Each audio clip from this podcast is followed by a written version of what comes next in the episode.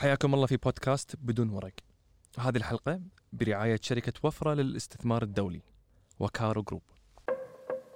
أيضا كانوا كانوا في البحرين كمثال كانوا آه، آه، آه، اليهود لما يروحون سوق ال- ال- الخضرة مثلا يشترون الفاكهة مثلا آه، أو يشترون السمك آه، كانوا اذا إذا لمس الفاكهة أو السمك أو كذا كانوا يجبرونه إنه يشتري يجبرونه يشتري لأن شنو فكرتهم إنه أنت يهودي إذا شافوا الناس إن أنت جست السمك ما حد راح يشتري منه. ما حد راح يشتري منه زين يعتبرونه غير طاهر وبالتالي في قضية عرضت على حاكم البحرين في هذا الموضوع شنو شلون؟ في في هذه المسألة ان واحد راح يشتري آه، راح يشتري برتقال آه، فمسك يشوف يجيس يشوفه زين مو زين يعني. فبعدين شكله ما عجبه يعني هدى ومشى فمسك البحرين وقال له لازم تشتري قال أنا ما عجبني ليش أشتري؟ قال لا أنت مسكت الحين ما حد راح يشتري مساء الخير.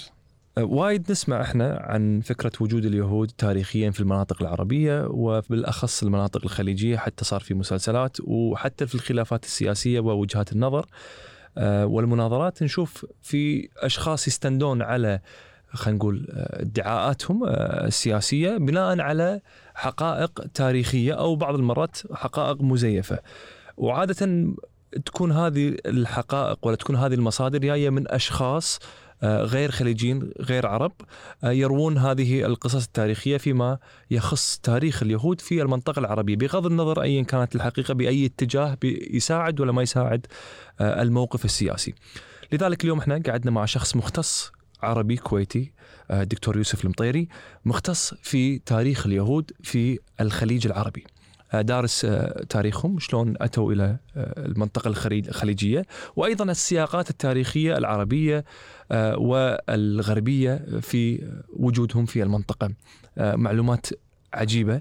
يعني ساعتين بس لكن أنا ما حسيت فيها. آه، ولذلك أتمنى لكم متابعة ممتعة. معكم فيصل العقل وهذا بودكاست بدون ورق فحياك الله دكتور. يا هلا حياك الله. وإحنا قاعد نبحث أه، بشكل عام في المواضيع اللي ممكن اليوم نتكلم عنها في بدون ورق. مر علينا موضوع أه، يعني خلينا نقول غير معتاد اللي هي فكرة تاريخ اليهود في الكويت. ولما جينا بحثنا هم شفنا هذا أول سؤال طرى على بالنا كدكتور في الجامعة. عندك وايد مواضيع اليوم ممكن تبحث فيها لكن أنت اخترت ان تبحث في تاريخ اليهود في الخليج. سؤالي لك أه، دكتور شيء حياك الله. وليش اخترت هذا الموضوع؟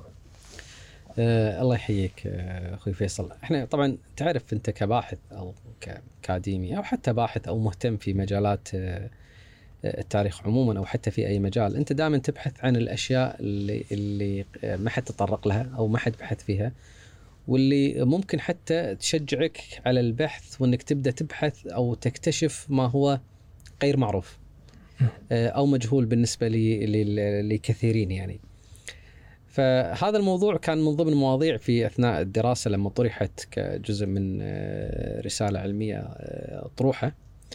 آه، طرحت مواضيع فانا مع المشرف لما كنا قاعدين نتكلم في أكثر موضوع. طرحنا موضوع المسيحيين طرحنا موضوع اليهود طرحنا مواضيع ثانية أخرى. صراحة هذا الموضوع شد انتباهي آه، لاعتقادي بأن إنه هو جزء من من من تاريخ المنطقة اللي يفترض انه ما يكون مسكوت عنه صح. غير إنه هو مرتبط في في في أمور أخرى سياسية خاصة فيما يتعلق بالصراع العربي الصهيوني وقضية فلسطين وغيرها.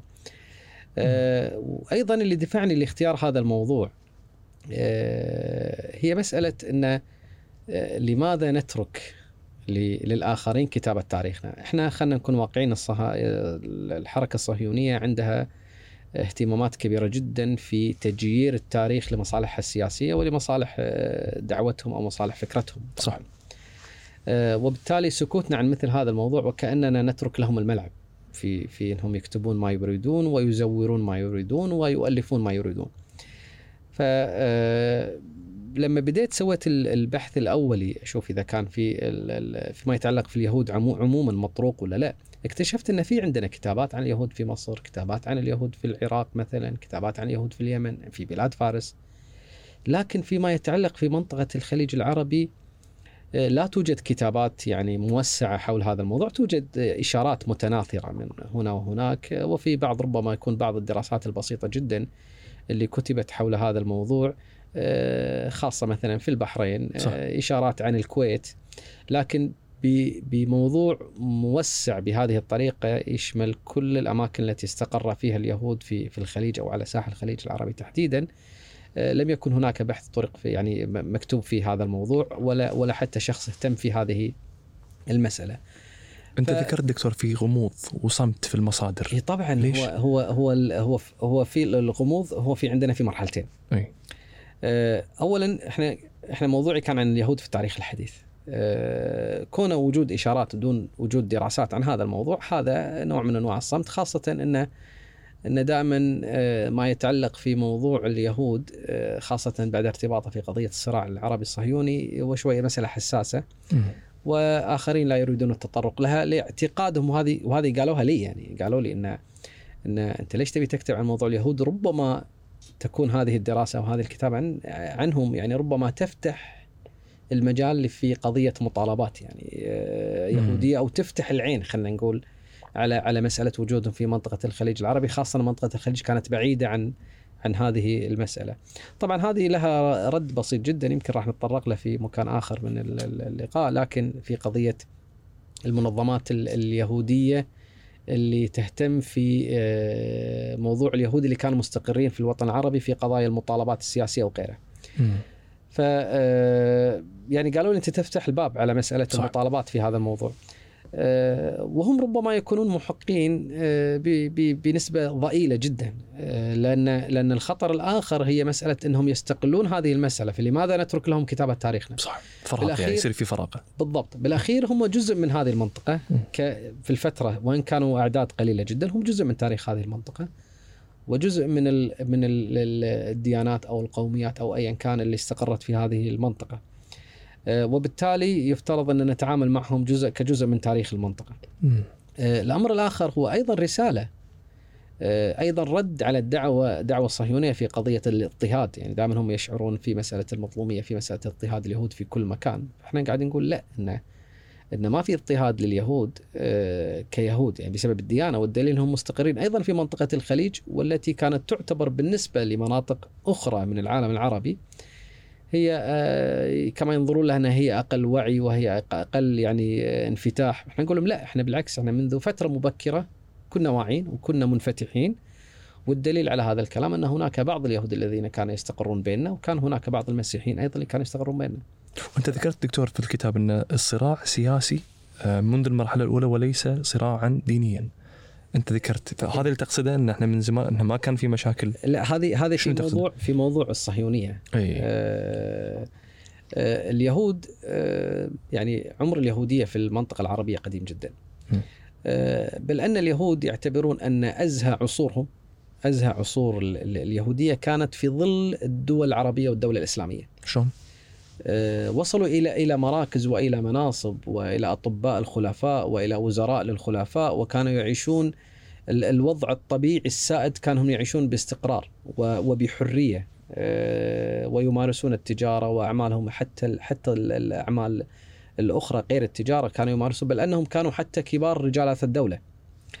آه، ما عدا بعض الفترات الاستثنائية في التاريخ الإسلامي التي تعرضوا لبعض المضايقات وهي فترات استثنائية قليلة جدا. فوضع اليهود في العالم العربي أو أو تحت ظل الحكم الإسلامي يختلف عن وضع اليهود في في في أوروبا كمثال. آه، في العالم العربي لم يكن هناك جيتو اللي هو مكان منعزل يقيم فيه اليهود في في العالم العربي ما عدا يمكن في في في منطقة واحدة وفي مدينة تحديدا وفي مدينة واحدة أعتقد كان في صنعاء فقط أما بقية العالم العربي كان يعيشون بين المسلمين وبين المسيحيين ويمارسون الحياة الطبيعية ويمارسون التجارة ووصلوا إلى أعلى المراكز وأعلى المناصب وأصبحوا أطباء للخلفاء وكانوا يمارسون حياة طبيعية جدا. بل بل أن أن حتى اليهود الذين كانوا يعيشون في ظل الدولة الإسلامية كانوا يعتبرون يعتبرون أنفسهم أرقى من بقية اليهود. شلون؟ آه، لأنهم كانوا أكثر علما، أكثر ثقافة، يعيشون في ظل دولة متقدمة صح في خ... مثلا في في عواصم العالم الإسلامي مثل القاهرة وبغداد ودمشق وحتى في في بلاد الأندلس. آه، اليهود كانوا يعتبرون نفسهم واللي إحنا نسميهم السفارديم آه، كانوا يعتبرون نفسهم أرقى من الأشكناز، الأشكناز هم غالبا اليهود الذين كانوا في أوروبا. صح فيعتبرون نفسهم أرقى إلى درجة أن اليهود الذين كانوا يعيشون في في ظل الدولة الإسلامية والذين يعتبرون نفسهم أكثر رقيا وحضارة من بقية اليهود لا يرضون حتى بتزويج بناتهم من الأشكناز. فكانت حتى في إيه. عنصرية طبعا لأن يعتبرون نفسهم أرقى مم. أرقى درجة من من من بقية اليهود لأن لأن كما تعلم في في ظل الدولة الإسلامية كمثال في الأندلس الدولة ال- ال- المسلمين في الأندلس كانت أكثر رقيا من بقية أوروبا صح. وأكثر تقدما وحضارة وفكرا وادبا وعلما في جميع مجالات الحياة حتى في الإتيكيت وغيره. آه، وكانوا اليهود أيضا يتكلمون اللغة العربية في تلك الفترة التي كانت هي لغة الرقي والحضارة. وبالتالي نظرتهم حتى لليهود الآخرين اللي هم الأشكناز آه، صح. نظرة آه، نظرة دونية يعني مم. وبالتالي آه، هم جزء من تاريخ هذه المنطقة لذلك إحنا نتحدث عنهم الآن كمنطقة يعني في منطقة الخليج ليست ليس هناك كتابات عنهم بالتالي نحن نملأ هذا الفراغ ونثبت أيضا أن وجودهم في هذه المنطقة العربية ككل هو وجود متصل وأنهم لم يتعرضوا لاضطهادات ولم يتعرضوا لطرد وأن هذه رسالة تسامح أيضا كانت موجودة لليهود إذا أرادوا أن يتعايشوا مع بقية ال- ال- ال- السكان سواء كانوا من مسلمين أو مسيحيين أو غيرهم. واضح. آه، دكتور الحين عشان ندش في صلب الموضوع إحنا بالنسبة لنا خلينا ناخذ التاريخ الحديث قول لي. آه، بس في إشارة في مسألة ال- ال- ال- ال- المسألة السياسية. آه، هو هذا التحول بدأ منذ منذ أن بدأت الحركة الصهيونية في 1897 هذا اللي جاي أنا أي. أنا عشان كذا بقول لك إحنا علشان ندش في صلب الموضوع إحنا بناخذ الحركة الصهيونية اللي متى بدأت في 1897 في نعم. مؤتمر بازل. بالضبط. قبل مؤتمر بازل شنو كان وضع اليهود في المنطقة العربية والخليجية؟ وبعدين نبي نتدرج بعد مؤتمر بازل وما هو مؤتمر بازل؟ وشون تغيرت آه، حركة اليهود في المنطقة آنذاك؟ آه، هم اليهود قبل مؤتمر بازل كانوا يعيشون باستقرار في المنطقة العربية كما ذكرنا وضعهم في أوروبا كان أسوأ من وضعهم في في العالم العربي والإسلامي. م.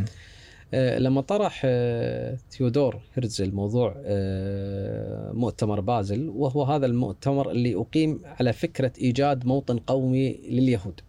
عدل. موطن قومي لليهود. ولم تطرح فلسطين كخيار في تلك الفترة كخيار وحيد.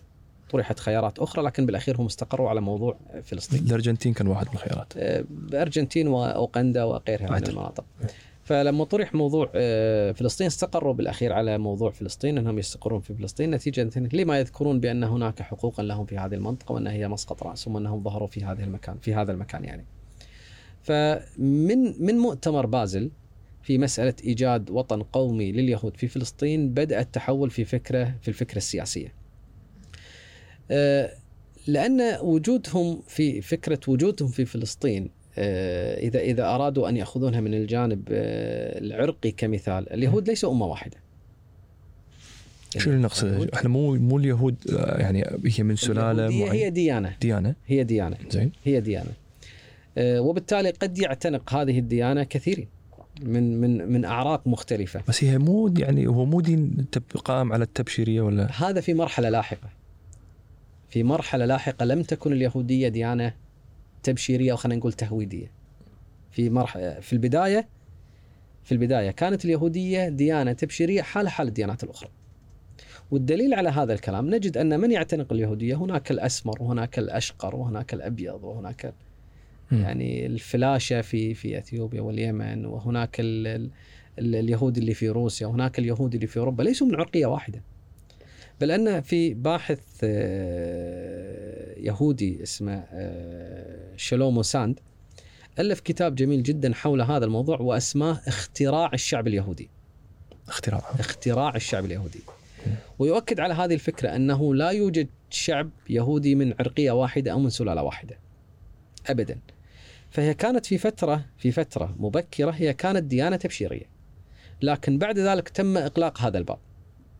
حتى أن اليهود يعني هذا بعد أيضا جرنا على سؤال زين اليهود سؤال اليهود اللي موجودين في العالم العربي منذ أيام الجاهلية هل كانوا عرب تهودوا أم كانوا يهودا مهاجرين هذا السؤال أنا أصلا جايك فيه فشلون إيه آه، في هناك من يرى طبعا ال- ال- ان أن هؤلاء هم مجموعة من اليهود الذين هاجروا إلى الجزيرة العربية. ومن من الأشخاص الذين يطرحون هذه الفكرة آه، باحث آه، إسرائيلي أو خلينا نقول يهودي وعلى فكرة هذا الرجل تخرج من من القاهرة يعني آه، اللي هو وهو أديب يعني يعتبر من الأدباء ويلقب دائما أبو ذؤيب أبو ذؤيب اسمه إسرائيل والفنسون ليش أبو ذؤيب؟ لأن لأن درس العربية اللغة. العربية وهو أصلا تخرج من مصر وأعتقد أنه أشرف على رسالته أعتقد أنه أعتقد أنه طه حسين إذا ماني غلطان. فهو خريج المدرسة العربية وهو أصلا كان في مصر. ف آه، يقول أن اليهود في الجزيرة العربية أو اليهود في ال- ال- الجزيرة تحديدا هم عبارة عن يهود مهاجرين من فلسطين. هو يطرح هذه الفكرة. تمام ويعطي بعض الأدلة يذكر منها ان ان أن بداية اليهود اللي موجودين في العالم العربي هم مجموعة من آه، هو جيش أصلا أرسله موسى إلى الجزيرة العربية ولأنهم خالفوا اوامر آسف موسى ولأنهم خالفوا أوامر موسى عليه السلام آه، أمرهم بالعودة إلى إلى المكان الذي جاءوا منه صح. فذهبوا إلى الجزيرة العربية واستقروا فيها وعاشوا فيها. في اليمن تحديدا اذا غلطان لا في في وسط الجزيرة العربية بدون تحديد آه، مكان أوكي. هو يقول هذا الك... يطرح هذه الفكرة وي... ويعطي أيضا مبررات أخرى يعني. آه هناك رأي آخر آه ويقود هذا الرأي شلومو ساند أيضا اليهودي. وقبل شلومو ساند أحمد سوسة الباحث أحمد سوسة، أحمد سوسة يقول لا ان أن اليهود في الجزيرة العربية هم على القالب هم مجموعة من العرب الذين تهودوا. أو دخلوا في اليهودية بعد آه عندما كانت تبشيرية. ويذكر روايات تاريخية منها تذكر أن أحد ملوك اليمن هو قد دخل اليهودية وبدأ ينشر اليهودية في اليمن ودخلت اليهودية في عند عند في اليمن أو عند هذا الملك اليمني من خلال حبرين من أحبار اليهود جاء إلى اليمن وأعجب فيهم هذا الملك فيهما هذا الملك وبعد ذلك آمن باليهودية وبدأ ينشر اليهودية في في اليمن ومنها انتشرت إلى بقية الجزيرة العربية آه، أيضا من الأشياء المثيرة أيضا ترد على على على ما ذكره إسرائيل والفنسون بأنهم يهود مهاجرين. آه، في القرآن الكريم لا إكراه في الدين قد تبين الرشد من الغي هذه الآية الكريمة صح. آه، يقول المفسرين ومنهم ابن كثير أن هذه الآية نزلت في أبناء الأنصار من اليهود لأنهم قبل الإسلام قبل الإسلام كانوا العرب عموما يقدرون الديانات السماوية فكانت المرأة إذا إذا كان لديها بعض ال- الابن مريض مثلا أو أنها لا ترزق بأبناء مثلا آه، تنذر نذرا بأنه إذا إذا شفي هذا الابن أو إذا الله سبحانه وتعالى رزقها بأولاد ستقوم بتهويد هذا الطفل بمعنى تحويله إلى اليهودية. فلما جاء الإسلام كان بعض أبناء الأنصار كانوا قد اعتنقوا اليهودية من خلال آبائهم. آبائهم بمعنى هم من أدخلهم اليهودية وجعلهم يعيشون مع يهود. فلما أجل النبي عليه الصلاة والسلام بنو. قينقاع ثم بنو النضير جاء أبناء النص أبناء الأنصار إلى الأنصار إلى النبي عليه الصلاة والسلام قال يا رسول الله هؤلاء ابنائنا نحن من أدخلناهم اليهودية والآن نريد أن نبقيهم آه، في المدينة أو في يثرب ونلزمهم بدخول الإسلام.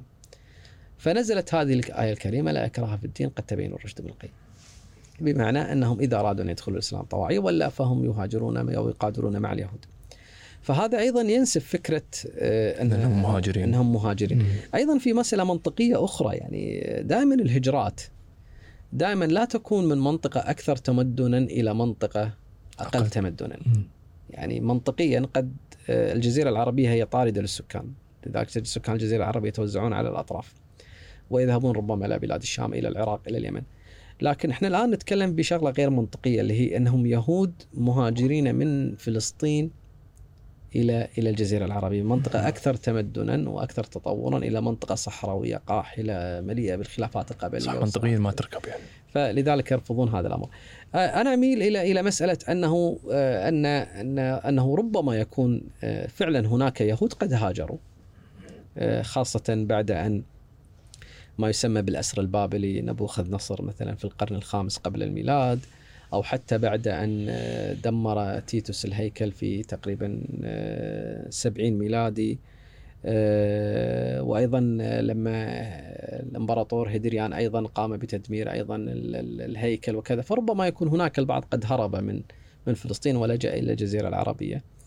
آه، ولكن يعني بالتأكيد أن هناك كثير من العرب الذين اقتنع اعتنقوا اليهودية آه، لذلك حافظوا على ثقافتهم العربية وأن كانوا يهود. واضح. آه، لذلك مثلا تجد أن من من ال- ال- الشخصيات يقال أن كعب بن الأشرف أحد زعماء اليهود في في المدينة كان من قبيله آه، أمه من طي. ونحن نعلم آه، حرص العرب على مسألة الأنساب وغيرها. فلو كان من غير العرب لما لما حصل هذا الأمر. حتى أن أحد المؤرخين المسلمين اسمه ابن حبيب له كتاب اسمه المنمق في أخبار قريش قبل الإسلام. زين. يتكلم في فصل أو في جزء منه عن أبناء قريش الذين أمهاتهم يهوديات بمعنى أنهم من أهالي قريش قد تزوجوا يهوديات من العربيات وأنجبوا من الأبناء وكذا. فهذا طبعا ينسف فكرة إسرائيل والفلسطين بان بأن القضية هي قضية يهود مهاجرين للجزيرة العربية. ممتاز. طبعا الأدلة كثيرة جدا يعني لكن باختصارا لهذه المسألة. يعني. الحين في 1897 صار مؤتمر بازل. فكرة مؤتمر بازل أن طرح الفكرة هرتزل فكرة الصهيونية واختاروا فلسطين. شلون هذا نرد مرة ثانية على نفس الموضوع شلون هذا أثر على المنطقة العربية؟ إذا كان في تأثير مباشر ولا لا ما تأثر الوضع إلى يعني وقت لاحق. أنا بيعرف شنو صار ووضع الخليج بشكل عام دكتور. لا طبعا في في البداية يعني ما ما كان هناك أي تأثير لهذا المؤتمر على على اليهود اللي اللي كانوا في المنطقة العربية. اولا لأنهم كانوا بعيدين عن هذه المسألة. ليش صار المؤتمر عشان كان في اضطهاد يعني بأوروبا ولا ليش صار المؤتمر؟ هم يعتقدون أن أن اليهود كانوا منقلقين على أنفسهم، قد جزء من هذا الانقلاق قد يكون بسبب سلوكياتهم. وأيضا جزء من هذا الانقلاق أنا أعتقد لأن الديانة اليهودية يعني تختلف عن الإسلامية والمسيحية في أن في أن جزئياتها الدينية والعقائدية كثيرة جدا. في مسألة شروط اللبس شروط الأكل شروط كذا شروط صح. التعامل.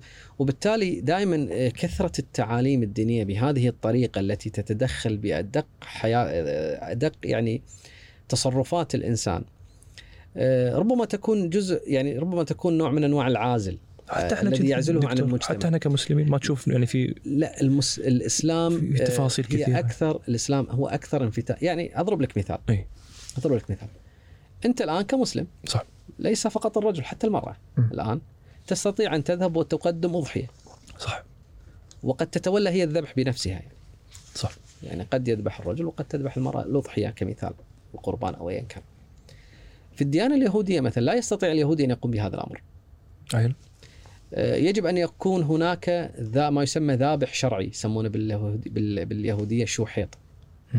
ذابح شرعي. كان عنده هو الليسن اللي يقدر يذبح بالضبط كانه هو عند الليسن وهو المؤهل إنه. يقوم بهذه المسألة.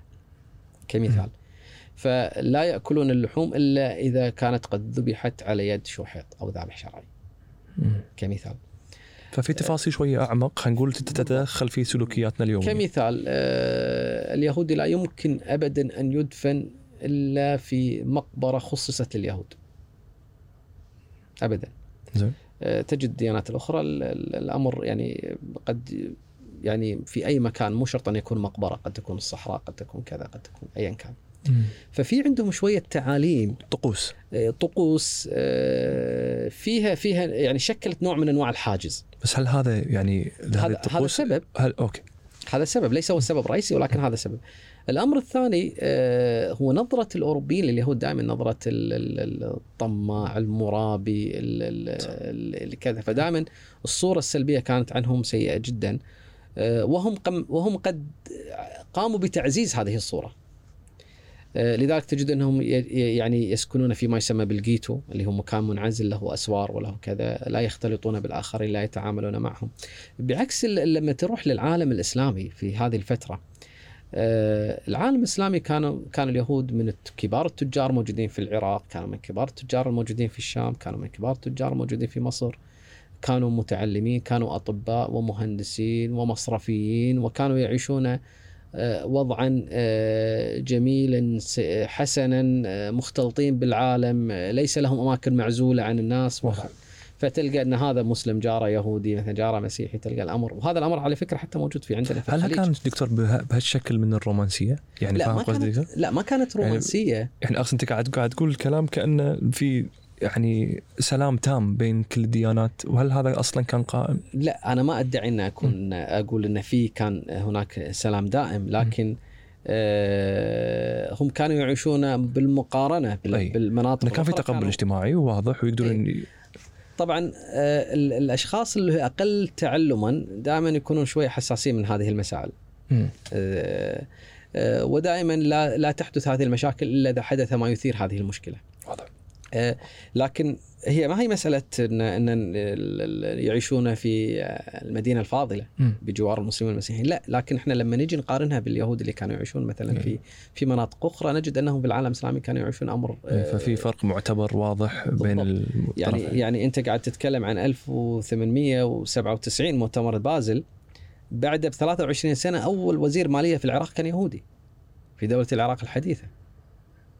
زين. آه العراق دولة العراق الحديثة اللي آه، تأسست في 1920 21 كان أول أول وزير مالية في العراق كان يهودي. فما أثر المؤتمر نهائيا على ال- الوضع العام في اليهود؟ هذا هذا الأمر لأن اولا العالم العربي كان نوعا ما بعيدا عما يحدث في أوروبا، لا تنسى أن العالم العربي في هذه الفترة كان يعيش في فيما يسمى بعصر الاستعمار، صح يعني أيضا البرتغالي آه، وقتها لا ولا الإنجليزي؟ ال- الإنجليزيين والفرنسيين إيه. والألمان جاءوا المنطقة وكذا مم. فبالتالي هم أيضا كانوا يعيشون في ما يسمى بعصر الاستعمار في هذه الفترة. آه، ولم تكن مسألة فلسطين حاضرة في في هذه الفترة أيضا يعني لذلك لم يكن هناك ما يثير هذه المشاكل بهذا الشكل الكبير. لذلك كانوا يعيشون بوضع آه، نوعا ما جيد آه، ولو كان هناك ما يهدد حياتهم ولا استقرارهم أو أعمالهم وكذا لما لما لما بقيوا في المنطقة مم. بالاخير آه، إذا إذا وجدت من يضطهدك ويمنعك من العمل وممارسة حياة طبيعية جدا من الطبيعي جدا إنك ما راح تقعد في هذا المكان. فهل نقدر نقول استمرارهم أو أو أو آه، استمرار بقائهم في هذه المنطقة هذا دليل إنهم كانوا يعيشون وضع جيد جدا. فهل نقدر نقول خيارهم ولا أحد أسباب الخيارات اللي اختاروا فلسطين هي المعاملة الجيدة اللي لقوها من العرب ممكن قربتهم إنه يعني هم يشعرون إن هذا المكان قد يكون آمن مقارنة بالأماكن الأخرى ولا ما له شغل؟ آه، أنا أعتقد قد يكون هذا سبب لكن لا تنسى إن في سبب ثاني إن في في كما يعتقدون إن هناك أساس تاريخي لوجودهم في المنطقة. واضح. يعني وبالتالي لكن هذه القضية اليوم لكن وقت 1897 كان واضح إنه ما كان هذا السبب الرئيسي لأنه كان في أماكن طرح- أخرى. طرحت أسباب. إيه؟ طرحت أسباب. ربما يكون هناك ال ال ال قد تكون السياسة الدولية أيضا مؤثرة في هذا الموضوع لأن لا تنسى أنها بالأخير آه، كانت بريطانيا هي الداعم الرئيسي لهم صح. لهذه ال- الحركة. آه، وبالتالي ربما يكون أيضا لل- للقوى الاستعمارية كان لها وجهة نظر في هذا الموضوع. غير هذا كله أنهم يعتقدون أن هناك أساس تاريخي لوجودهم في هذه المنطقة صح. ل- لدعوى أنهم يعودون يعودون إلى فلسطين. قد تجد لها صدى أكثر من مسألة أنهم يذهبون إلى الارجنتين مثلا صح. أو إلى اوغندا في أفريقيا. صح. فقد تكون هذه حتى مساله مسألة. تسويقية أفضل يعني. اي أكيد إيه. الحين بين ال 1897 إلى وعد آه، بلفور اللي كان 1921 آه، 1917 17 شنو في نوفمبر 1917 للحين هني ماكو شنو كان الوضع العام لليهود في المنطقة الخليجية؟ عشان شوي شوي إحنا ندش على المنطقة الخليجية. آه، إحنا بس لازم ننتبه لمسألة إن وجودهم في منطقة الخليج. آه، هو وجود متفاوت يعني بين منطقة ومنطقة. م. آه، يعني مثلا كمثال عمان آه، عمان هي الدولة الخليجية خلينا نقول. آه، الوحيدة التي استمر بقاء اليهود أو استمر اليهود فيها منذ فترة ما قبل الإسلام إلى العصر الحديث كان وجودا مستمرا آه، لو نروح مثلا إلى إلى إلى مثلا البحرين إحنا لما نتكلم عن البحرين نتكلم عن البحرين بمفهومها الأوسع. لأن دلالات ال- ال- ال- العبارات والأسماء تختلف باختلاف الفترة الزمنية وتختلف باختلاف المكان. يعني الآن أنا لما أسألك أقول لك البحرين تقول لي البحرين آه، دولة البحرين دولة خليجية عاصمتها المنامة وكذا. صح. لكن مثلا لما تجي في فترة زمنية أقدم لما تتكلم عن البحرين أحيانا تقصد جزيرة البحرين والساحل المقابل وفي هناك مفهوم أوسع لكلمة البحرين هو الساحل بالكامل. آه، كله. إيه. الساحل اللي يمتد من الكويت إلى شبه جزيرة قطر إي. هذا كان يطلق- من الصوبين ولا بس من صوبنا إحنا؟ لا من صوبنا. إيه. هذا كان يطلق عليه اسم البحرين. آه لكن إذا أخذنا بالمفهوم ال- ال- ال- البحرين الحديث دولة البحرين الحديثة آه ويشمل أيضا المنطقة اللي هي الساحل أيضا. آه وجود اليهود أيضا كان قديما. آه لذلك النبي عليه السلام لما صح. أرسل آه دخلت هذه المنطقة تحت تحت الدولة الإسلامية وأرسل النبي عليه السلام من يج من يجلب له ال- ال- الجزية من هذه المنطقة كان فيها يهود ومسيحيين ومجوس فكما تقول المصادر التاريخية أنه لم يصل إلى النبي عليه الصلاة والسلام مالا أكثر مما أتى من البحرين فكان في تواجد كبير يعني في تواجد ليس فقط لليهود يهود بشكل عام يعني. ومجوس إيه. إيه. آه، بل إن في الجاهلية أيضا دائما يتكلمون في يعني مثلا امرؤ القيس الشاعر امرؤ القيس وطرفه ابن العبد لما يتكلم في معلقة يقول آه، عدولية أو من سفين بن يامن يجور, يجور بها الملاح طورا ويهتدي. ابن يامن يق... كما يذكر بعض المؤرخين المسلمين أن ابن يامن كان تاجر يهودي من أهل البحرين. كان يمتلك سفن وكان يمتلك أيضا أراضي نخيل واسعة جدا في البحرين.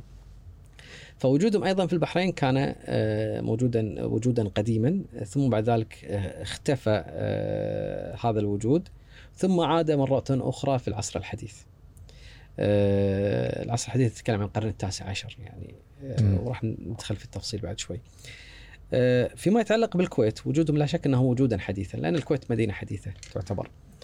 فأقدم إشارة لوجود اليهود في الكويت كإشارة مؤكدة. طبعا في إشارات تقول أن اليهود موجودين منذ أن احتل الفرس البصرة في 1776 فبالتالي اضطر بعد بعض اليهود أن يهاجروا من البصرة إلى الكويت. وهذه إشارة. ولكن آه، لا يوجد لنا لدينا مصدر قال أن يهود في هذه الفترة كانوا موجودين في أرض الكويت. آه، أول إشارة مباشرة لهذا الموضوع كانت في تقرير المقيم السياسي في الخليج الويسبلي 1800 وزار الكويت مرتين 1863 و 1865 وكتب تقرير عن موسع طبعا عن الكويت وذكر أن هناك عدد من اليهود يقيمون في يقيمون في الكويت ويمارسون حرية العبادة العبادة ولا يفرض عليهم أيضا أي أموال أو ضرائب أو جزية أو رسوم أو غيره. ما عدا مبلغ سنوي آه، يقدمونه كهدية للشيخ الكويتي حسب ما ذكر طبعا دون أن يحدد تفاصيل. وكان ذكر العدد ولا؟ لا ما ذكر العدد أبدا. آه، فبدأ هني بدأت عندنا الإشارات تؤكد على مسألة وجود اليهود في الكويت من هذه الفترة. آه، ثم قبل الحرب العالمية أو منذ أن اندلعت الحرب العالمية الأولى بدأت أعدادهم تزيد بالكويت وفي البحرين. والسبب آه أن آه هذه الأعداد بدأت تزيد أن أن أولا كان الأوضاع الاقتصادية في العراق آه نوعا ما سيئة.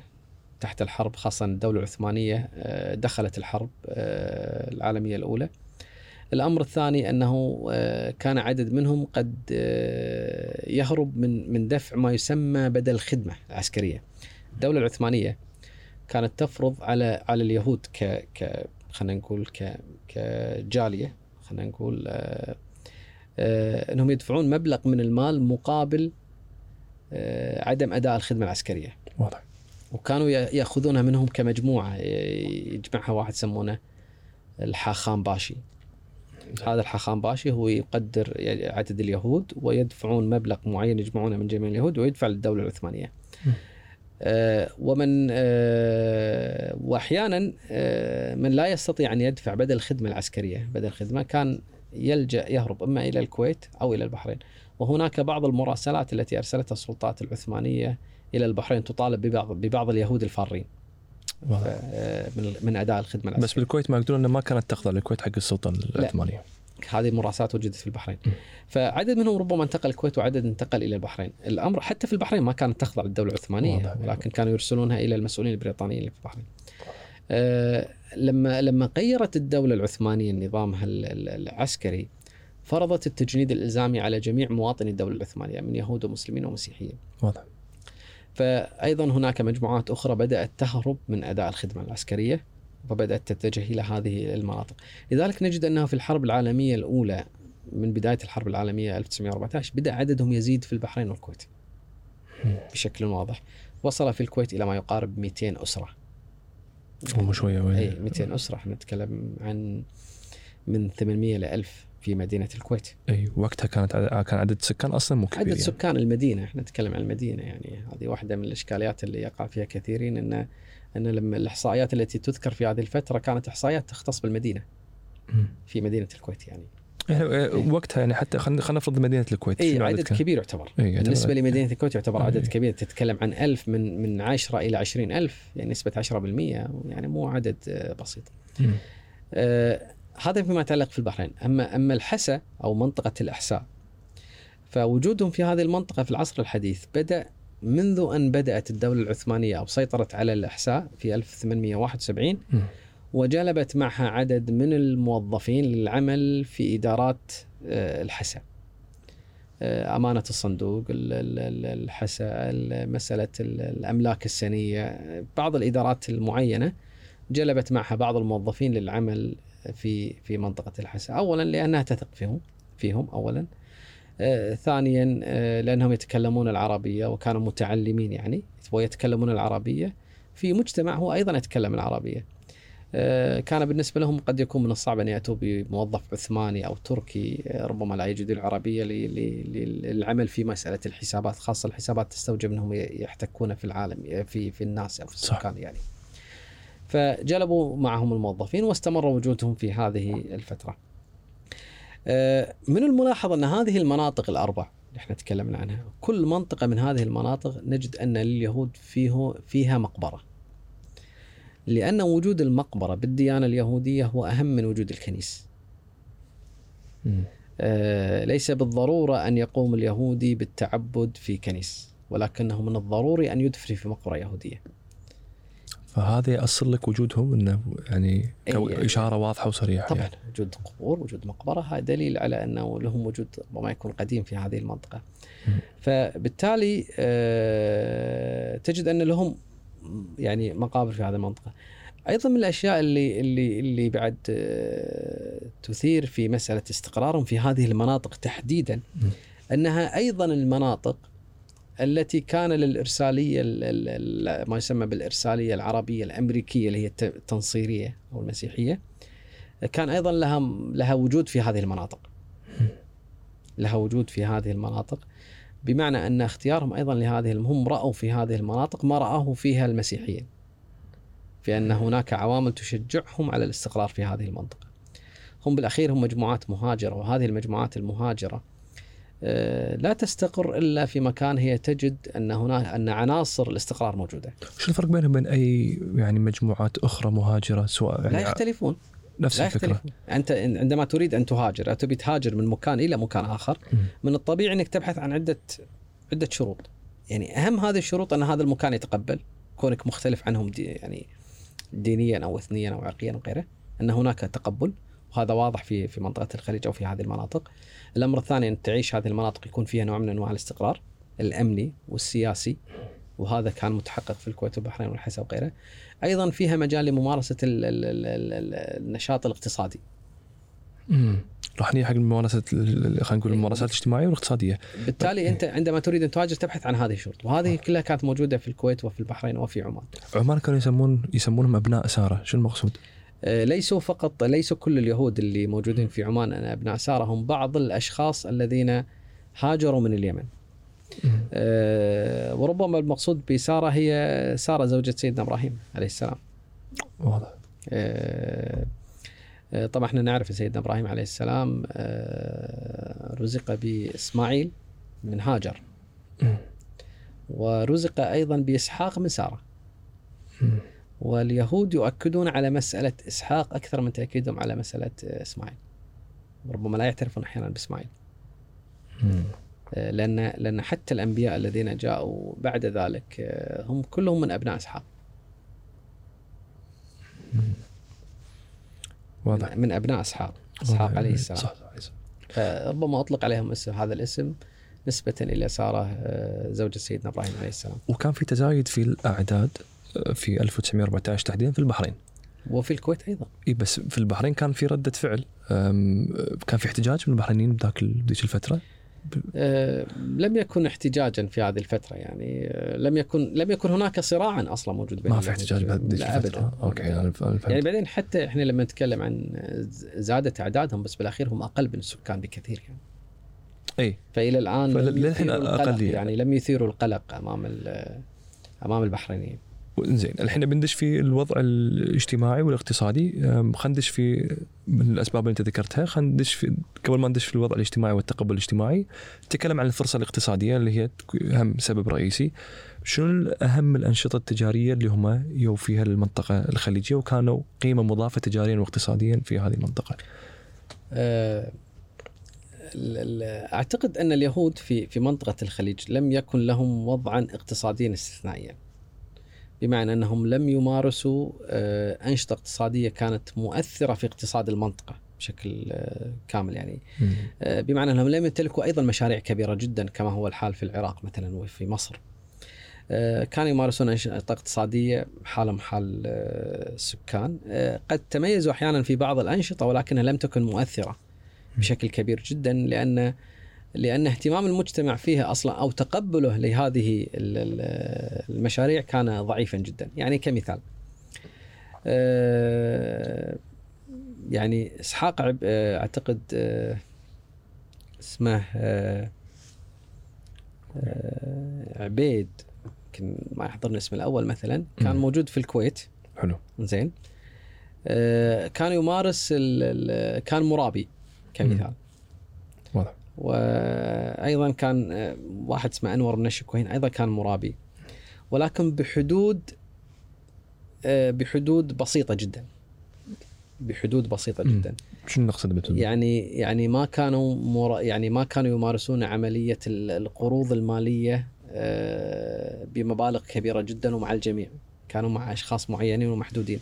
حتى لأنهم هم أيضا يعلمون أن المجتمع كان يرفض مثل هذه المسألة لذلك لا يستطيعون المقامرة بإظهار مثل هذا النشاط. واضح. زين. آه، كمثال مثلا في البحرين لم يعملوا في هذا النشاط لأن هناك من يعمل في هذا النشاط من غير اليهود. كانوا من ال- الهنود البانيان اللي كانوا موجودين في البحرين وفي عمان كانوا يمارسون هذا النشاط لذلك لم يجد اليهود الفرصة للدخول في هذا المجال بشكل إنه ما موسع. يقدروا يتفردون في إيه ما إيه بشكل موسع. ما أيوة. كانوا يعني آه، يعني يستطيعون الدخول في في في مواجهة مع من يمارسون هذا النشاط لفترات طويلة في البحرين وفي عمان. بس كانوا يشتغلون بالذهب بعد الذهب ليسوا استثناء كثير من السكان كانوا يعملون بالذهب يعني ليس. فقط يعني. ما كان عندهم هم كانوا يعملون في الذهب أي ولكن ليس جميع اليهود يعملون في الذهب هذا اولا أي. ثانيا هو لم يكن نشاطا حكرا على على اليهود اللي كانوا موجودين كثير من الكويتيين والبحرينيين والعمانيين كانوا يعملون بالذهب فكانوا حالهم حال غيرهم يعني حالهم حال غيرهم أي. آه، تصنيع المشروبات الكحولية كم- كمشروع مثلا هم أيضا آه، تفردوا فيه مثلا بالكويت. لكن نجد أنهم في البحرين آه، لم يدخلوا في هذا النشاط لأن هناك من ينافسهم في هذه المسألة. وهم اللي قلنا الهنود البانيان اللي كانوا موجودين في البحرين. واضح. لكن في الكويت مثلا كانوا يعملون في هذا النشاط ولكن آه، كان بشكل محدود. يعني آه، زباينهم أشخاص محددين مع معينين معروفين ومن يعمل في هذا النشاط كانوا حالات استثنائية من اليهود وليس جميع اليهود. لذلك هذه هذه اللي سبب خلط عند كثير من الناس إن. المعلومات التي ذكرت بأن الشيخ سالم المبارك قام بطرد اليهود آه، من الكويت لأنهم كانوا يمارسون هذا هذه الأعمال هذا كلام غير دقيق تاريخيا.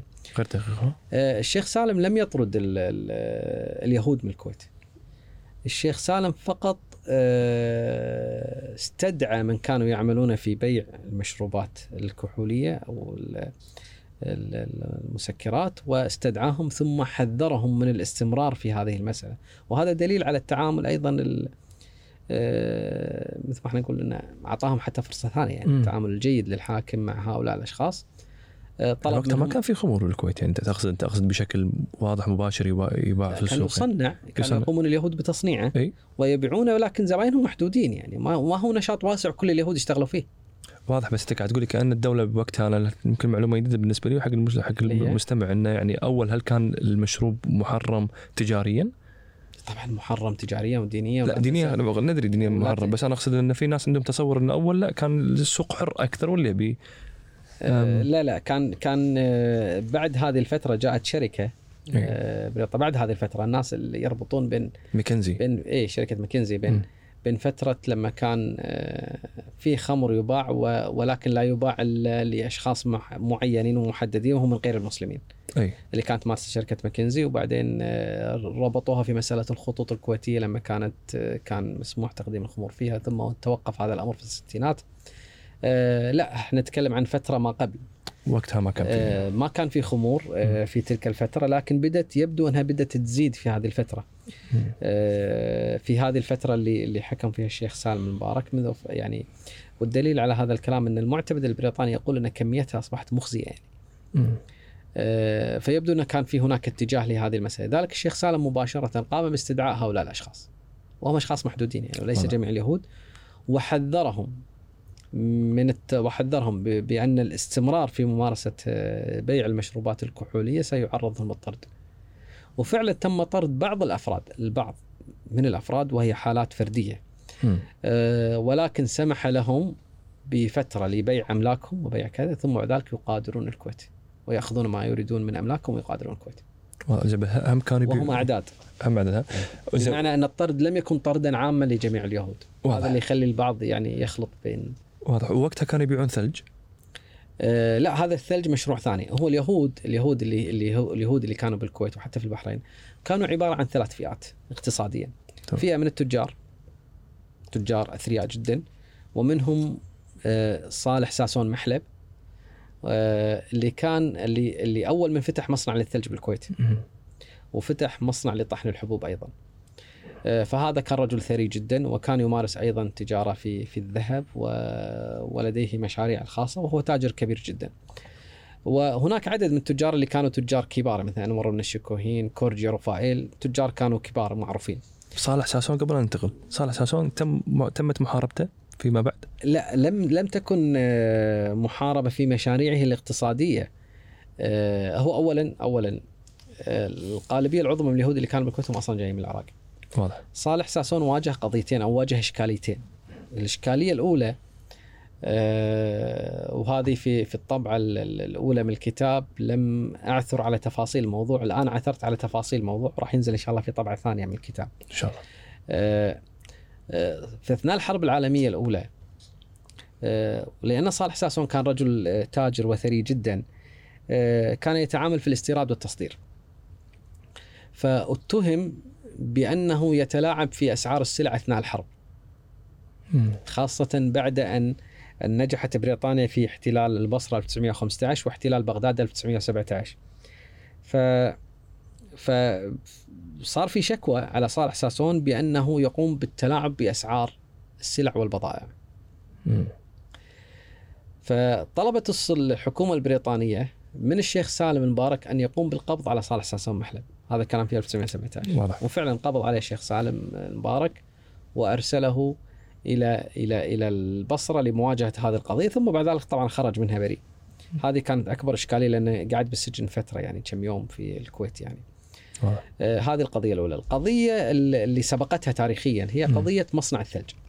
هذه أنا بقول اي مصنع الثلج اللي افتحه صالح ساسون محلب آه ولأنه يهودي آه بدأت تنتشر فكرة عند آه عند خاصة البسطاء من الناس أنه يهودي وأنتم تاخذون منه الثلج وتحطونه في ماء الشرب وتحطونه في المشروبات اللي تشربونها سواء كان في رمضان وغيره و وتشربون أيضا من الماء والأمور هذه كلها هذا يهودي وبالتالي ربما تكون مسألة متعلقة بمسألة الطهارة الماء أو طهارة الشرب أو الأكل أو كذا. فبدأت تنتشر مثل هذه الدعايات لذلك أصبح هناك عزوف من شراء الثلج من صالح. ثلج من صالح مم. فبعد فترة اكتشف أن المصنع قاعد يخسر. لذلك قام ببيع المصنع. هذا المصنع لتاجر كويتي. أيضا هذا التاجر الكويتي هو افتتح مصنع الثلج ورد يشتغل فيه من جديد. مم. هو آه، كان تاجر ثلج من البداية ولا ما كان؟ من هو؟ اللي شرى منه. اي هو تاجر. اي بو- إيه، اي كمل تاجر عيال معرفي. اي زين هو كان تاجر يعني. أي. آه، فاشترى هذا المصنع وأعاد آه، مسألة. لأن لأن قضية ال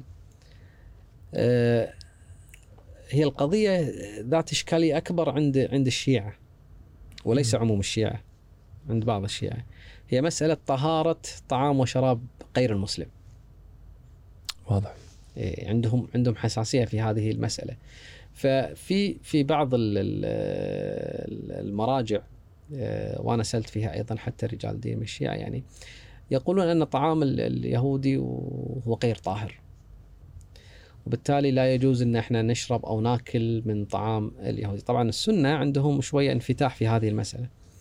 آه، ليأكد هذا الكلام زين أنور أنور من الشكوهين هذا كان آخر يهودي طلع من الكويت وأنا قابلته في أمريكا. سلام. في متى طلع من الكويت؟ طلع من الكويت 52 هو آخر يهودي طلع من الكويت كبير بالعمر ها؟ هو مواليد 26 ما شاء الله متى قابلته هو اي سنه؟ أساسا قابلته 2009 آه هو أساسا آه هم أصول عراقية. زين.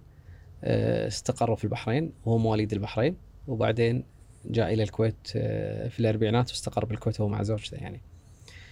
فكان يقول لي إنه هو طبعا يتعامل مع تجار الكويت يعني. فيقول إنه آه ان كانوا تجار الكويت إذا جوني الدكان. طبعا هو يقول أصدقائي وأعرفهم يعني إذا جو الدكان. يكلمك عربي؟ إي طبعا. عربي ها؟ إيه، هو من أصول عراقية وساكن عايش في البحرين. عدل زين. فيقول كانوا تجار الكويت إذا إذا جوني الدكان آه، ما يقبلون يشربون عندي ال- ال- ال- الشاي ولا القهوة يعني ليه ما رحت عينت واحد أو وظفت لي واحد آه، كان مسلم إنه هو يكون مسؤول عن الشاي والقهوة فبدأوا يشربون آه،. الشاي والقهوة عندي يعني لما دروا إنه والله اللي يسويها ولا كذا هذا واحد مسلم. يقول أيضا يقول في مرة من المرات كنت في رحت إلى طهران طبعا هو تاجر عملات وتاجر ذهب ويتاجر في كل شيء تقريبا يعني. فيقول سنة من السنين كنت في كان عندي صديق جدا يعني مقرب آه، كويتي طبعا كان شيعي. فيقول مرة من المرات كنا أنا كنت في طهران آه، فجأة وأنا قاعد أتمشى بالسوق كان أشوفه. آه، فيقول هذا الشخص كان يجيني البيت في الكويت كان يسهر معاي ونتعشى ونسهر وكذا فيقول لما شفته في طهران سلمت عليه وكذا وعزمته على القدع فرفض إنه يروح يتغدى معي قلت له ليش يا فلان؟ يعني ليش ما تتغدى معي؟ قال لا أنت يهودي مو مو طاهر فأنا ما أكل. قال شو أنت بالكويت؟ قال اي بالكويت OK بس بإيران لا ما أقدر. اي يعني آه، أيضا كانوا كانوا في البحرين كمثال. كانوا آه، آه، اليهود لما يروحون سوق ال- ال- الخضرة مثلا يشترون الفاكهة مثلا آه، أو يشترون السمك. آه، كانوا اذا إذا لمس الفاكهه أو السمك أو كذا كانوا يجبرونه إنه يشتري. يجبرونه يشتري لأن شنو فكرتهم؟ إنه أنت يهودي إذا شافوا الناس إن أنت جست السمك ما حد راح يشتري منه. ما حد راح يشتري مني. زين يعتبرونه غير طاهر وبالتالي في قضية عرضت على حاكم البحرين في هذا الموضوع. شنو الق- شلون؟ في في هذه المسألة ان واحد راح يشتري آه، راح يشتري برتقال آه، فمسك يشوف الجيس يشوفه زين مو زين يعني. فبعدين شكله ما عجبه يعني هدى ومشى. فمسك البحرين وقال له لازم تشتري. قال أنا ما عجبني ليش أشتري؟ قال لا أنت مسكت الحين ما حد راح يشتري. يعرفون الناس ان أنت يهود وان أنت تشتري فما راح أحد يشتري مني. ف آه، رفض طبعا إنه يدفع المبلغ وهذا إلا تأخذ المبلغ وعرضت على حاكم البحرين القضية. يعني ما كانوا ينظرون لهم إنهم يعني آه يعني إذا جالس الأكل أنت غير طاهر. فيعني مع ذلك تقول لي كان في تقبل اجتماعي شلون هذا يرهم مع هذا؟ لا أنا أقول لك شلون. أنا شنو قلت لك في البدايه أخوي فيصل. قلت لك موقف الناس يعتمد على على على ثقافتهم. يعني يعني الناس البسطاء العاديين كان عندهم مثل هذه النظرة إذا وجدت من يثيرها لكن عموم الناس المتعلمين والواعين والفاهمين الكذا ليس لديهم حساسية في هذه المسألة. آه، آه، هذا واحد اثنين حتى كانت مسألة أن عدم تقبل مسألة أنك أنت تجيس الأكل لكن أنت تمارس حياتك الطبيعية.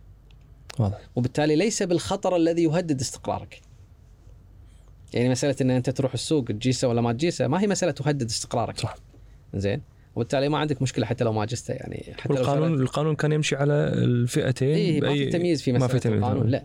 وبالتالي ما في شيء يهدد استقرارك ويهدد بقائك في هذا المكان. ما عدا بعض الممارسات من بعض الأفراد زين اللي اللي آه، يعني يمارسونه هم من الناس آه، أصحاب التعليم البسيط جدا آه، أو اللي غير متعلمين غير مثقفين هي ممارسات فردية بالأخير. يعني مثلا كيهودي مثلا لما كان يشيل بوكشته بعضهم كان باعه متجولين لما كان بالكويت مثلا يشيل بوكشته يجون عيال الفريج أحيانا ويسحبون البوكشه وينثرون ال- ال- الملابس وكذا ويقعد يسبهم أي. وكذا ويشيل يلم اغراضه مرة ثانية ويكمل حياته يعني. يعني هي مم. هي هي بعض الممارسات اللي ربما تكون عبثية تمارس على يهود وغير يهود حتى واضح يعني فما هي مسألة تهدد حياتهم ولا استقرارهم ولا بقائهم. هذه مجموعة من التجار، أيضا في البحرين كان في تجار يعني أنت قلت لي في ثلاث فئات من التجار هذه الفئة من التجار يعني. كمثال هذا بالكويت إحنا قلنا. في البحرين كمثال آه، وكلاء آه، من واحد يعني من أشهر الماركات ال- ال- الأجهزة الكهربائية والإلكترونية والكذا في آه، في البحرين كانوا اليهود إلى اليوم مم. لما تمشي في سوق ال- ال- بوابة البحرين السوق القديم مال البحرين.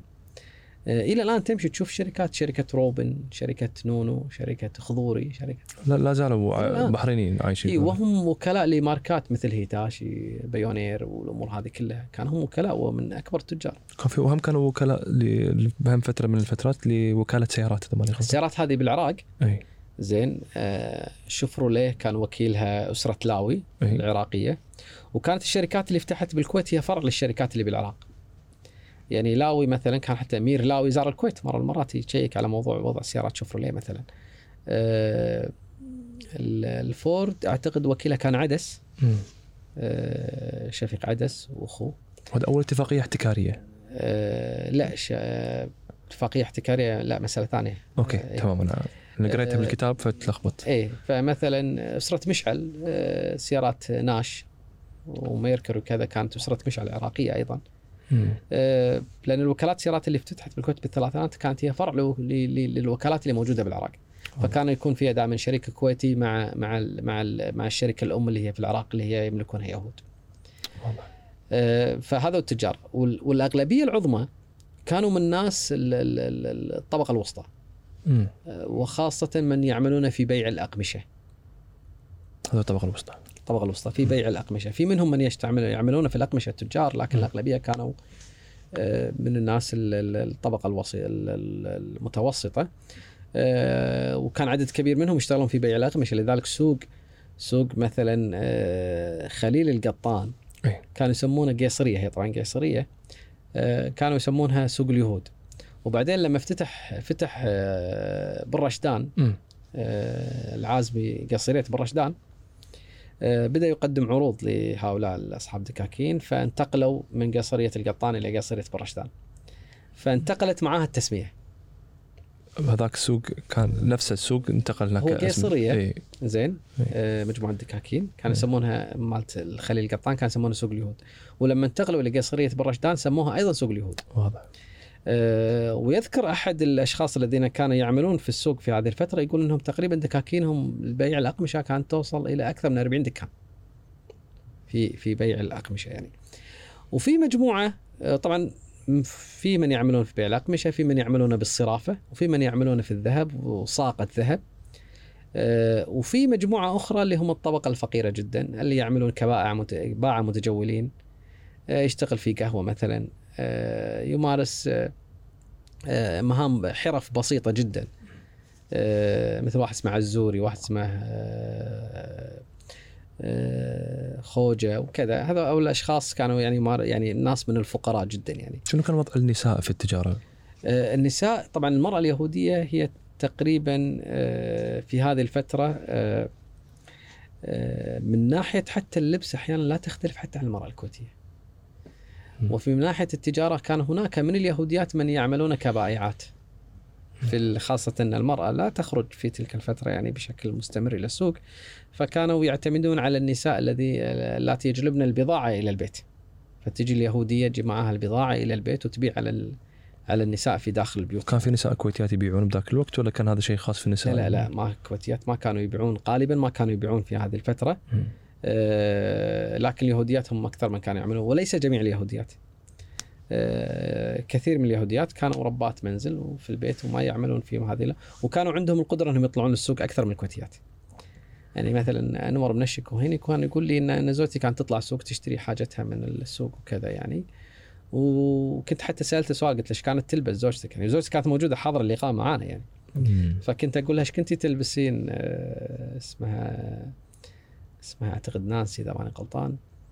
آه، أعتقد نانسي عينتشي إذا ماني غلطان هي من العراق أيضا. كانت تقول إني أنا كنت أطلع لابس العبايه والبوشية وما حالي حد حال. آه، يفرق بيني وبين الكويتية يعني. آه، فتقول كنت أروح السوق وأشتري حاجتي من ال- الأشياء وكذا. فبعض اليهوديات اللي في المنطقة كانوا يمارسون مهنة البيع ال- ال- في المنازل. في مناطق أخرى من الخليج من الخليج كمثال في عمان وأحيانا أيضا في البحرين كانوا يمارسون ال- ال- الطبابة ويمارسون آه، وظيفة آه، آه، قابلة. زين في في في أوقات الولادة. يمكن أشهر واحدة اللي هي أم جان اللي في البحرين. أم جان اللي في البحرين يعني حسب كلام البحرين مولده نص البحرينيين. زين. لأن كانت تروح البيت وكانت تولد النساء وهي أساسا كانت ممرضة يعني. أي. آه، ف فهذه الأعمال اللي كانوا يمارسون. لكن غالبيه النساء اليهوديات كانت ربات منزل. هل كانوا يمارسون هل كانت لهم ممارسات في خلينا نقول سوق اللولو ولا تجارة اللولو؟ آه، اليهود المستقرين في الخليج تقريبا لم يعملوا في تجارة اللؤلؤ لكن هناك بعض اليهود اللي اللي هاجروا أو أو آسف بعض اليهود ال- الأوروبيين اللي كانوا يأتون إلى إلى الخليج في مواسم القوس.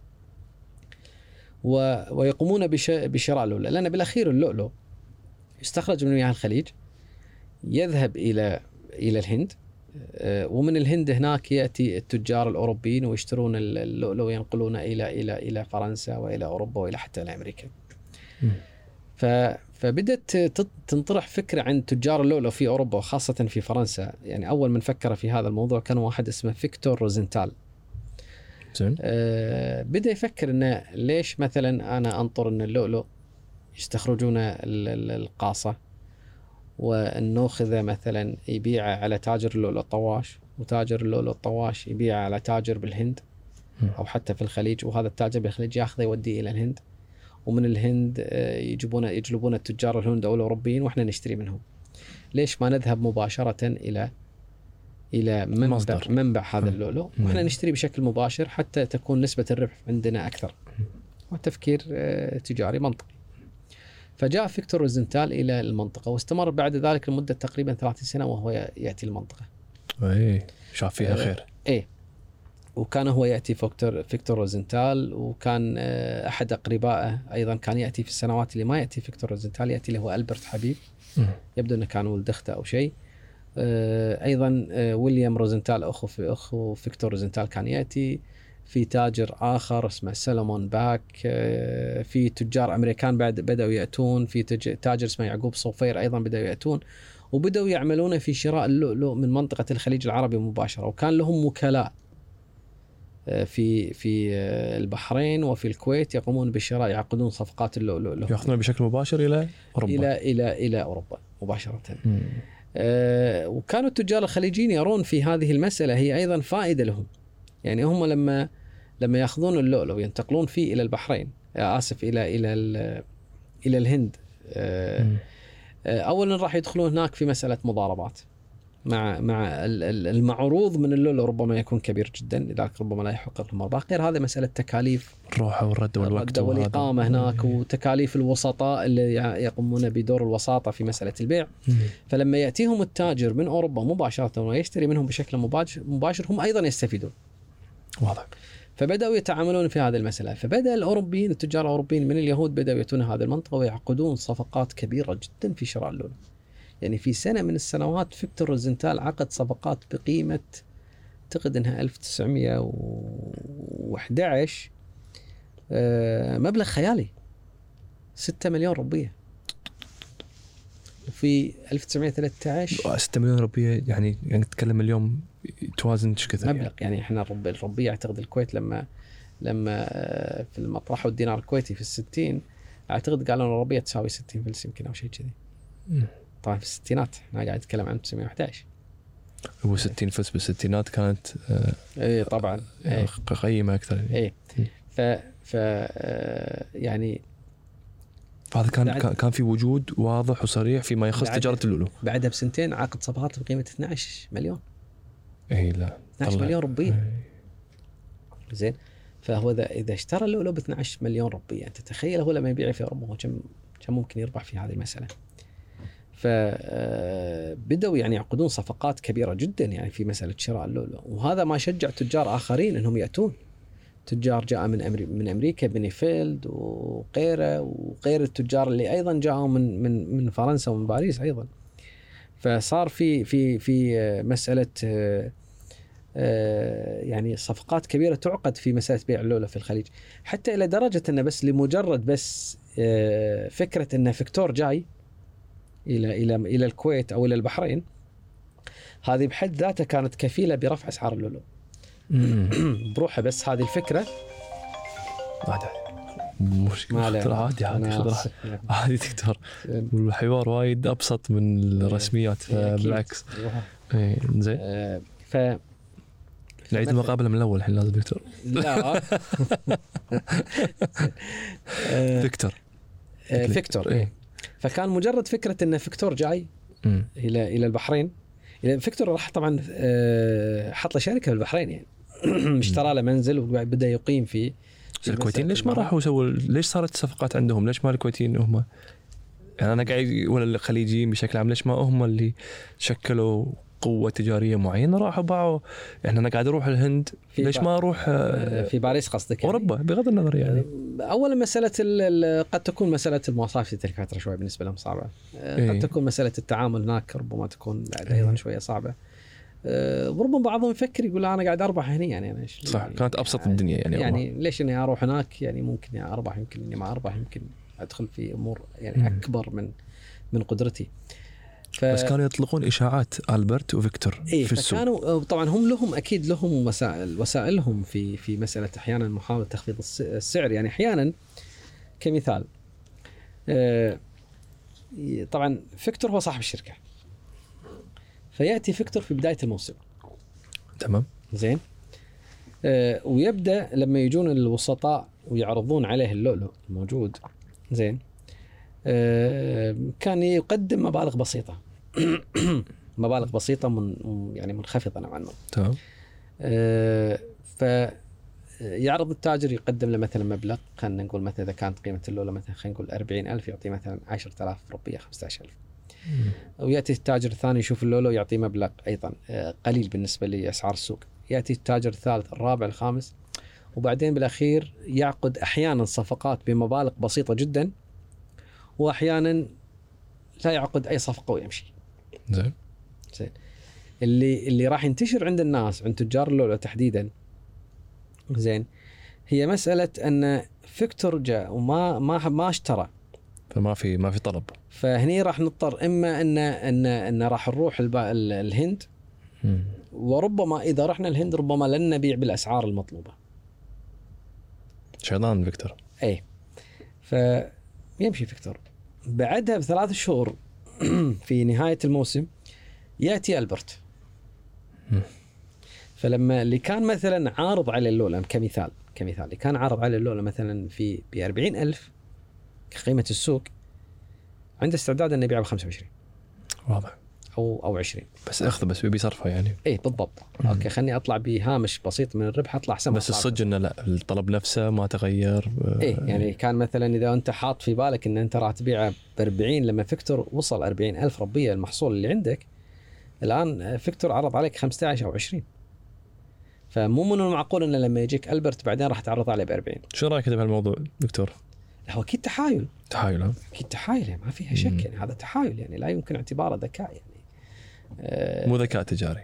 لا مو ذكاء هذا تحايل. لأن هذه فيها قيم واخلاقيات هذا خداع. إيه. الذكاء الذكاء أنك تعرف أنت شنو تجلب تعرف أنت شنو تبيع تعرف شلون تبيع بس م- ما تخدع تمارس. الخداع. صح. زين. لا هذا خداع. يعني لا يمكن أبد اعتباره ذكاء تجاري.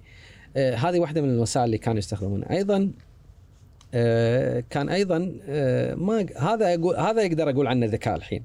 اللي الحين راح أقول لك عنه ذكاء. انه اقترح عليهم اقترح عليهم قالوا تعالوا على التجار يعني عن طريق وكيله طبعا وسيط اللي في الخليج عائلة معروفة يعني في البحرين. كانوا يقول لهم تعالوا يعني أنتم الآن بدال ما تاخذون آه، أو إني أنا أنتقل مثلا من مكان لمكان لمكان وأروح سوق دبي وينعرضون علي لولا وأروح سوق البحرين وأروح الكويت وأروح الهند وأروح أو أنتم تضطرون أنتم تروحون أيضا الهند. أنا عندي اقتراح عليكم قال شنو؟ عن طريق الوسيط طبعا. انه أنتم يا تجار اللولو نتواعد في يوم في وقت معين وتأتون إلى البحرين أو دبي زين وتعرضون اللي عندكم على فيكتور روزنتال مم. يشتري منكم مرة واحدة يشتري منكم مرة واحدة. آه، طبعا التجار الخليجيين في هالفترة بدأوا يحسبون حسبة معينة. زين؟ إني أنا أدخل في المنافسات والمضاربات في في أسواق الخليج أو إني أدخل في المضاربات في الهند وأدفع لي وسطاء وأقيم فترة طويلة بالهند صح ومصاريف يعني هذه بالأخير هي هي تؤخذ من الربح يعني. آه، أو انه مثلا إحنا نروح في هذا الموعد اللي يقول عنه فيكتور روزنتال ونعرض عليه آه، هذا اللؤلؤ زين آه، وبالأخير وإن كان بهامش ربح أقل إلا أنه في الفائدة هي أكثر يعني لأنه وفرت وقت وفرت لأنه وفرت. وقت وفرت آه، مم. مشوار. وفرت, وفرت مقامرة وفرت مضاربة وفرت كذا وسطاء وفرت كل شيء دون وسيط يعني تجون تتعاملوا معي بشكل مباشر بدون وسيط فهذا أقدر أقول عنها يعني بمعرفتي البسيطة في التجارة أقدر أقول عنها ذكاء إن فيكتور روزنتال هو أيضا مستفيد في هذه المسألة أفاد الكل. وأيضا تجار الخليجيين أيضا هم مستفيدين مم. لأنه كان ينتقل هو كان ينتقل يروح الكويت وكان يروح البحرين وكان يروح لأن حتى لو راح إلى الكويت مثلا وعرض عليه تاجر مثل شملان بن علي أو هلال مطيري وهم كانوا يتعاملون معاه زين لو عرض عليهم أيضا لؤلؤ ربما أيضا إذا ما أخذ بالسعر اللي هم يطلبونه راح يضطرون هم أيضا يذهبون إلى البحرين أو إلى دبي وبعد ذلك إلى الهند لبيع للبيع مثلا. دكتور ما شاء الله أنت قاعد تتكلم كأن أنت قاعد تشوفه قدامك الموقف قاعد تشوف شنو صار تدري شنو. المصادر ومع ذلك في مصادر أنت قاعد تقول في غموض بالمصادر في هذا. شلون قدرت تحصل هذه ال... هو, هو الباحث لازم يبحث لازم لازم يدور لازم إحنا نقول دائما نقول حق طلبتنا دائما لازم تحفر الأرض تدور. م. لازم تبحث عن المصادر في في كل مكان. والباحث هذا اللي يميز الباحث الجاد من الباحث الغير جاد يعني إحنا نقول دائما لازم أنتم تبحثون لازم أنتم تدورون المعلومات ولازم وبالأخير أنت تجمع هذه المادة وتخرج بتحليل رأي إي تحليل بالنهاية يعني إيه. الحقيقة هي مقدسة في في هذه المسألة ولكن التفسيرات قد تكون ذاتية أنت برأيك قد تختلف من واحد لواحد في مسألة التفسير صح. لكن آه يعني آه أنا ودي في المسألة المسألة الأقرب يعني في مسألة في هذا الموضوع تقول لي أنت ما شاء الله لقيت المعلومات هذه كلها طبعا كلها بوثائق بريطانية. يعني هو إحنا دائما أقول لهم البحث يخليك حتى تجد آه، يعني أنور منشي كوهين أنا شلون صدته في أو لقيته في أمريكا. في أمريكا في كاليفورنيا في سان دييغو ورحت لهناك وقابلته آه، شلون قدرت أوصل له يعني. يعني بالأخير أنت أيضا تبحث من واحد لواحد رحت البحرين وقابلت اليهود هناك وكونت عليهم معهم علاقة وشوي شوي بدأوا طيب بالك كونت عليهم علاقة. لا, لا الله يذكره. وأنا أنا اللي يعني ما ما قصرت معي يعني آه، الأخت آه، نانسي خضوري. اي زوجته. هي لا لا آه. لا زوجته نانسي عينتشي آه أوكي تلخبط نانسي, نانسي لا هذه نانسي خضوري آه نانسي ايلي يوسف خضوري هي م. الآن عضو في مجلس الشورى البحريني عدل عدل عدل, عدل هي الآن عضو عدل. في مجلس الشورى البحريني يعني عدل. وهي كانت مهتمة أيضا في هذا الموضوع و... والتقت الاهتمامات خلينا نقول يعني في, في هذا الموضوع وزودتها حلوة رحلة البحث دكتور ها؟ طبعا ممتعة يعني ال ال ال البحث آه، رحلة جميلة وممتعة ومفيدة ومثيرة وفيها يعني وتنمي ذاتك. آه، لما تدخل في مرحلة البحث يعني أذكر كنا لما ندخل في مرحلة البحث والتعامل مع الوثائق حتى وأنت عند إشارة المرور تفكر. مم. تبدأ تفكر في الوثيقة تفكر في المعلومات تفكر في كذا تفكر لما تحط الأوراق شو اللي يخليك تكمل دكتور؟ شو اللي يخليك تبحث؟ أنت قلت أنا كان عندي شغف في هذه المسألة. شغف يعني. شغف في في في تخصص التاريخ يعني. وهذا ما تعلمناه من أساتذتنا اللي درسونا في قسم التاريخ يعني. يكون المسألة فيها مثل الشغف. آه، والتاريخ علم جميل جدا وممتع ومفيد والبحث فيه آه، عالم يعني. يعني مو مجرد أنا ابي دكتوراه وأبي أخلص لا, لا, لا, لا, لا. والدليل ما زلنا إلى الآن نبحث. يعني نروح الآن زملائنا في قسم التاريخ اساتذتنا نمسيهم بالخير يعني. م. من اللي توفى الله يرحمه واللي تقاعد الله يطول في عمره والحي الموجود الله يطول في في عمره ويمتعهم كلهم بالصحة. ما زالوا إلى الآن يبحثون. إلى الآن يطلع لهم ابحاث إلى الآن يبحثون في كذا. أنا ما زلت إلى الآن أبحث في بعض المواضيع الآن. م. يعني آه، الآن أنا تقريبا شبه انتهيت من طبعة جديدة مزيدة منقحة من كتاب اليهود والآن في كتاب عندي تحت الطبع الآن راح. ما لقيناه إحنا عشان كذي. اللي قريناه اونلاين صراحة. اي لأن خليته على صوب آه، لأن قاعد أضيف في, في أشياء يعني. والآن في كتاب إن شاء الله ثاني راح ينزل يعني يصدر بإذن الله وغير الأبحاث يعني كل من آه، حاجزينك يا دكتور على الكتاب الثاني إذا غير مختلف إن شاء الله إن شاء الله بإذن الله. شنو لقيت فيه تجارة عشان رد في الموضوع آه، شنو لقيت فيه تجارة الأسلحة آه، فيما يخص اليهود؟ كان في تجارة اسلحه ولا ما كان في؟ أكبر تاجر يهودي في في الخليج تاجر سلاح طبعا. هو اسمه جوجيه. تمام. وهو يهودي فرنسي. آسف آه، هو مو يهودي آه، ما كان يهودي أنا آسف. لكن هو لما فتح مكتب لتجارة السلاح في في عمان آه، هو كان متزوج من يهودية اسمها ياسمين الباز. ياسمين الباز يهودية من أصول جزائرية.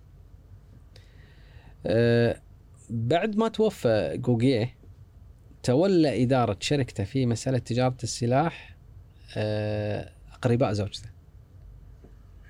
منهم واحد اسمه إبراهيم الباز وغيره. فهم من من من تولوا هذه آه هذه المسألة في في في تجارة السلاح في منطقة الخليج. مع ان واحد منهم أسلم بعدين يعني. واتوقع وايد من اليهود أسلموا بعدين ولا أنا أتوقع؟ يعني ما أدري. لا هم آه، في ناس أسلموا لكن هم أعداد يعني. بطبيعة أعداد بسيطة يعني في يعني كمثال في في كويتي تزوج يهودية. مم. زين وهذا الكويتي كان موجود في البحرين. أصلا كان مقيم في البحرين وتزوج يهودية. أه وأسلمت وعايشة معهم هذه الحين أتوقع توفت يعني لأن هذا الكلام من زمان. أه وفيه أه قصة أه يهودية أسلمت في البحرين. وصار عليها صار عليها مثل ال- ال- خلينا نقول احتفاليه ولا؟ ضجة يعني. حول هذا الموضوع. اي آه، وعرضت القضية على حاكم البحرين لأن لأن اليهود كانوا يدعون أنها آه، أنه فرض عليها الإسلام. زين. واضح فعرض الموضوع على على حاكم البحرين. آه، في قصة فتاة آه، ه- هربت من العراق إلى إلى إلى البحرين واستقرت وعاشت في البحرين وأسلمت. زين. في آه، آه، فيه آه، يهودي أيضا تزوج فتاة مسلمة دخل الاسلام وتزوج فتاة مسلمة. ب- لهذا السبب. بس يعني القصص هاي تذكر يعني ما كان يعني معدودة خلينا نقول هذه القصص مو لا لا كانت كانت موجودة موجودة يعني يعني. مثلا قصة عبود ال- الربل مثلا في البحرين كان سائق تاكسي وأعجب بيهودية كان يوقف موقف التاكسي وكانت هي في البيت وشافها واعجبته وكذا. فتزوجها و... وأثيرت أيضا هذه المسألة ضجه بعد في البحرين لسبب بسيط أنهم كانوا يدعون أنها أنها تزوج تزوجت بدون معرفة أهلها. آه، هذه كانت الإشكالية يعني انها فقط مسألة ان إن أهلها ما يدرون يعني. آه، لكن آه، في المناسبات والأمور هذه كلها كانوا يعني في في نوع من أنواع آه، يعني المشاركة حتى في المناسبات لذلك من الصور المنتشرة كثيرا جدا إن في يهود عندهم حفل زواج ويحضرون ال- المسلمين هذه الاحتفالية وهذا آه، وكانت المسألة يعني كان عندهم فريج هم دكتور واذا ماني غلطان. شلون؟ يعني كان في فريج اليهود كلهم ساكنين فيه. لا مو؟ كلهم. لا مو يعني- كلهم. شوف آه لما ترجع إلى وثائق بيت بيع بعض البيوت اللي كانوا يملكونها يهود. في الكويت كمثال. آه البيوت قبل شلون كانوا يوصفون البيت؟ ما في مثل الآن قطعة وشارع ورقم إيه، بيت فريج، آه. إيه.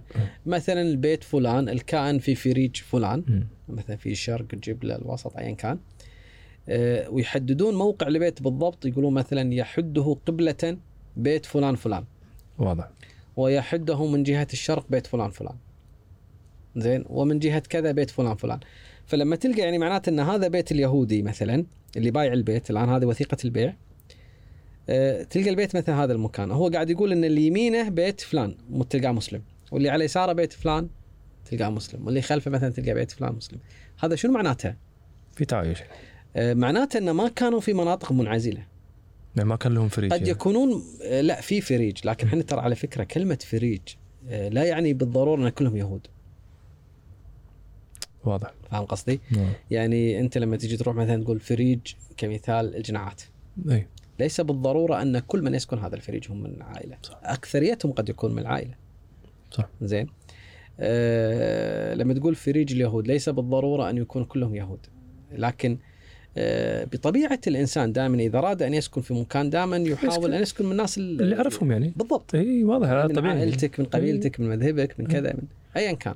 فاليهود ليسوا استثناء لكن أن يكون لهم مكان منعزل لهم بذاتهم ولا يدخله غيرهم مثلا أو ما حد يسكن هذا المكان إلا هم ولا كذا لا هذا الكلام لا يوجد في منطقة الخليج ابدا. تعليمهم دكتور شلون كان تعليمهم؟ آه اليهود اللي جاوا من العراق أكثرهم كانوا متعلمين.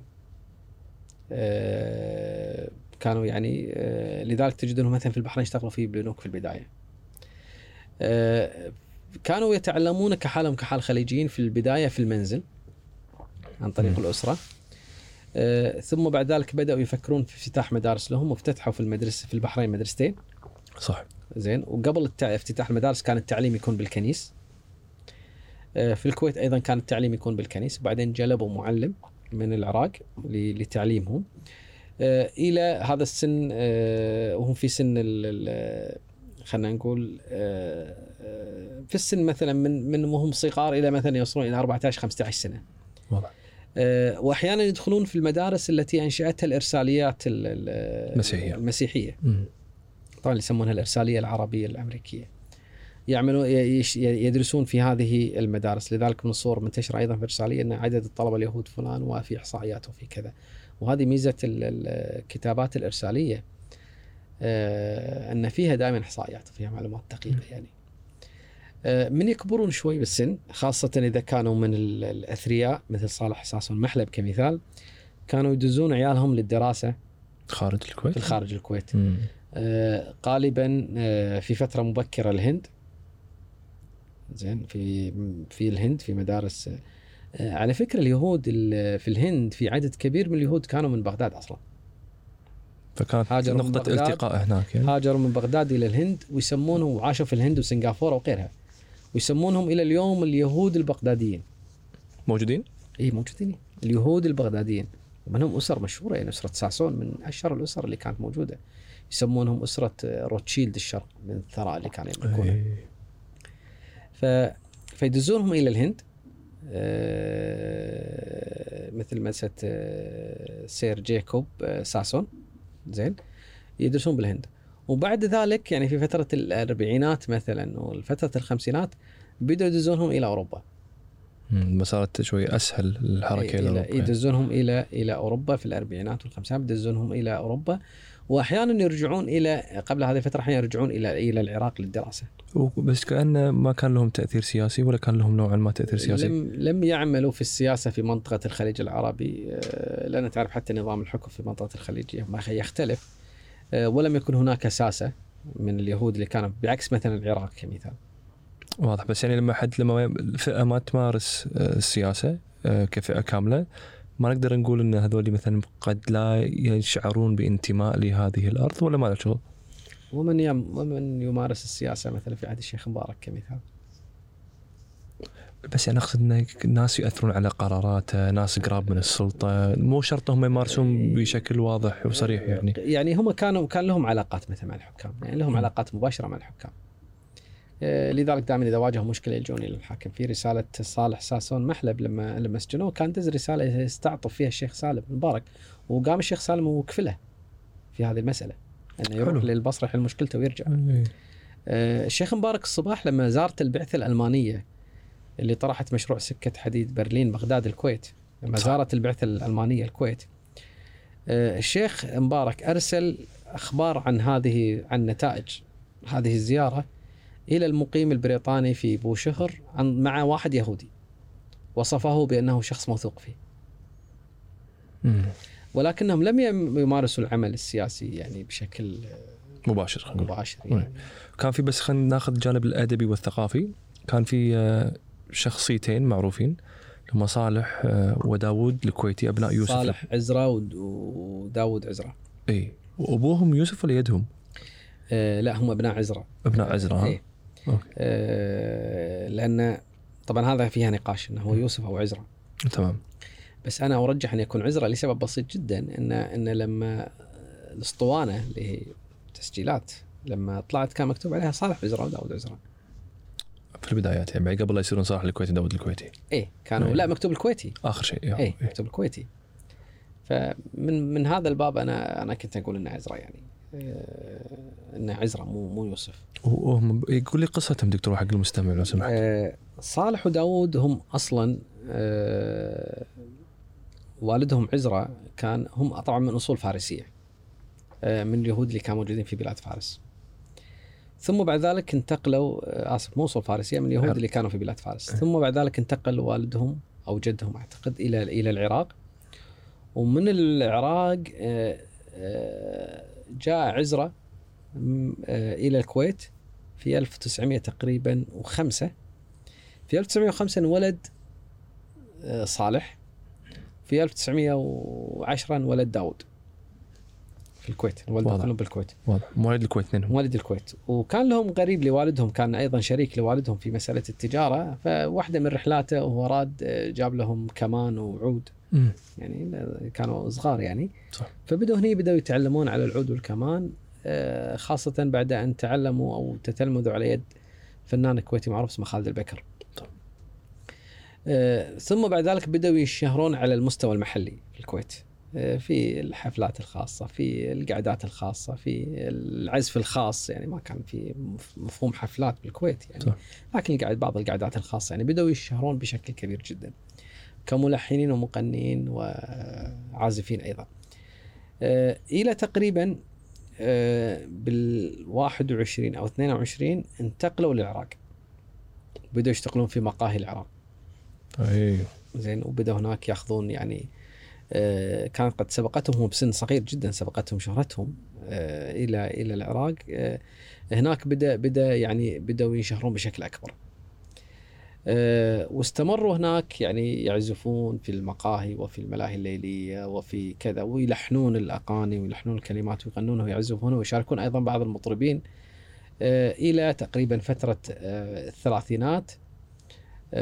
وشاركوا ممثلين للعراق في مؤتمر الموسيقى في القاهرة يعني. وصلوا يعني. اي يعني إلى إلى فترة في أواخر الثلاثينات تقريبا آه، هاجروا إلى إلى فلسطين المحتلة إسرائيل المزعومه هاجروا هناك وبدأوا هناك أنشأوا ما يسمى بالقسم العربي في الإذاعة. هم انشأوا أنشأوا هناك مم. في هذا القسم.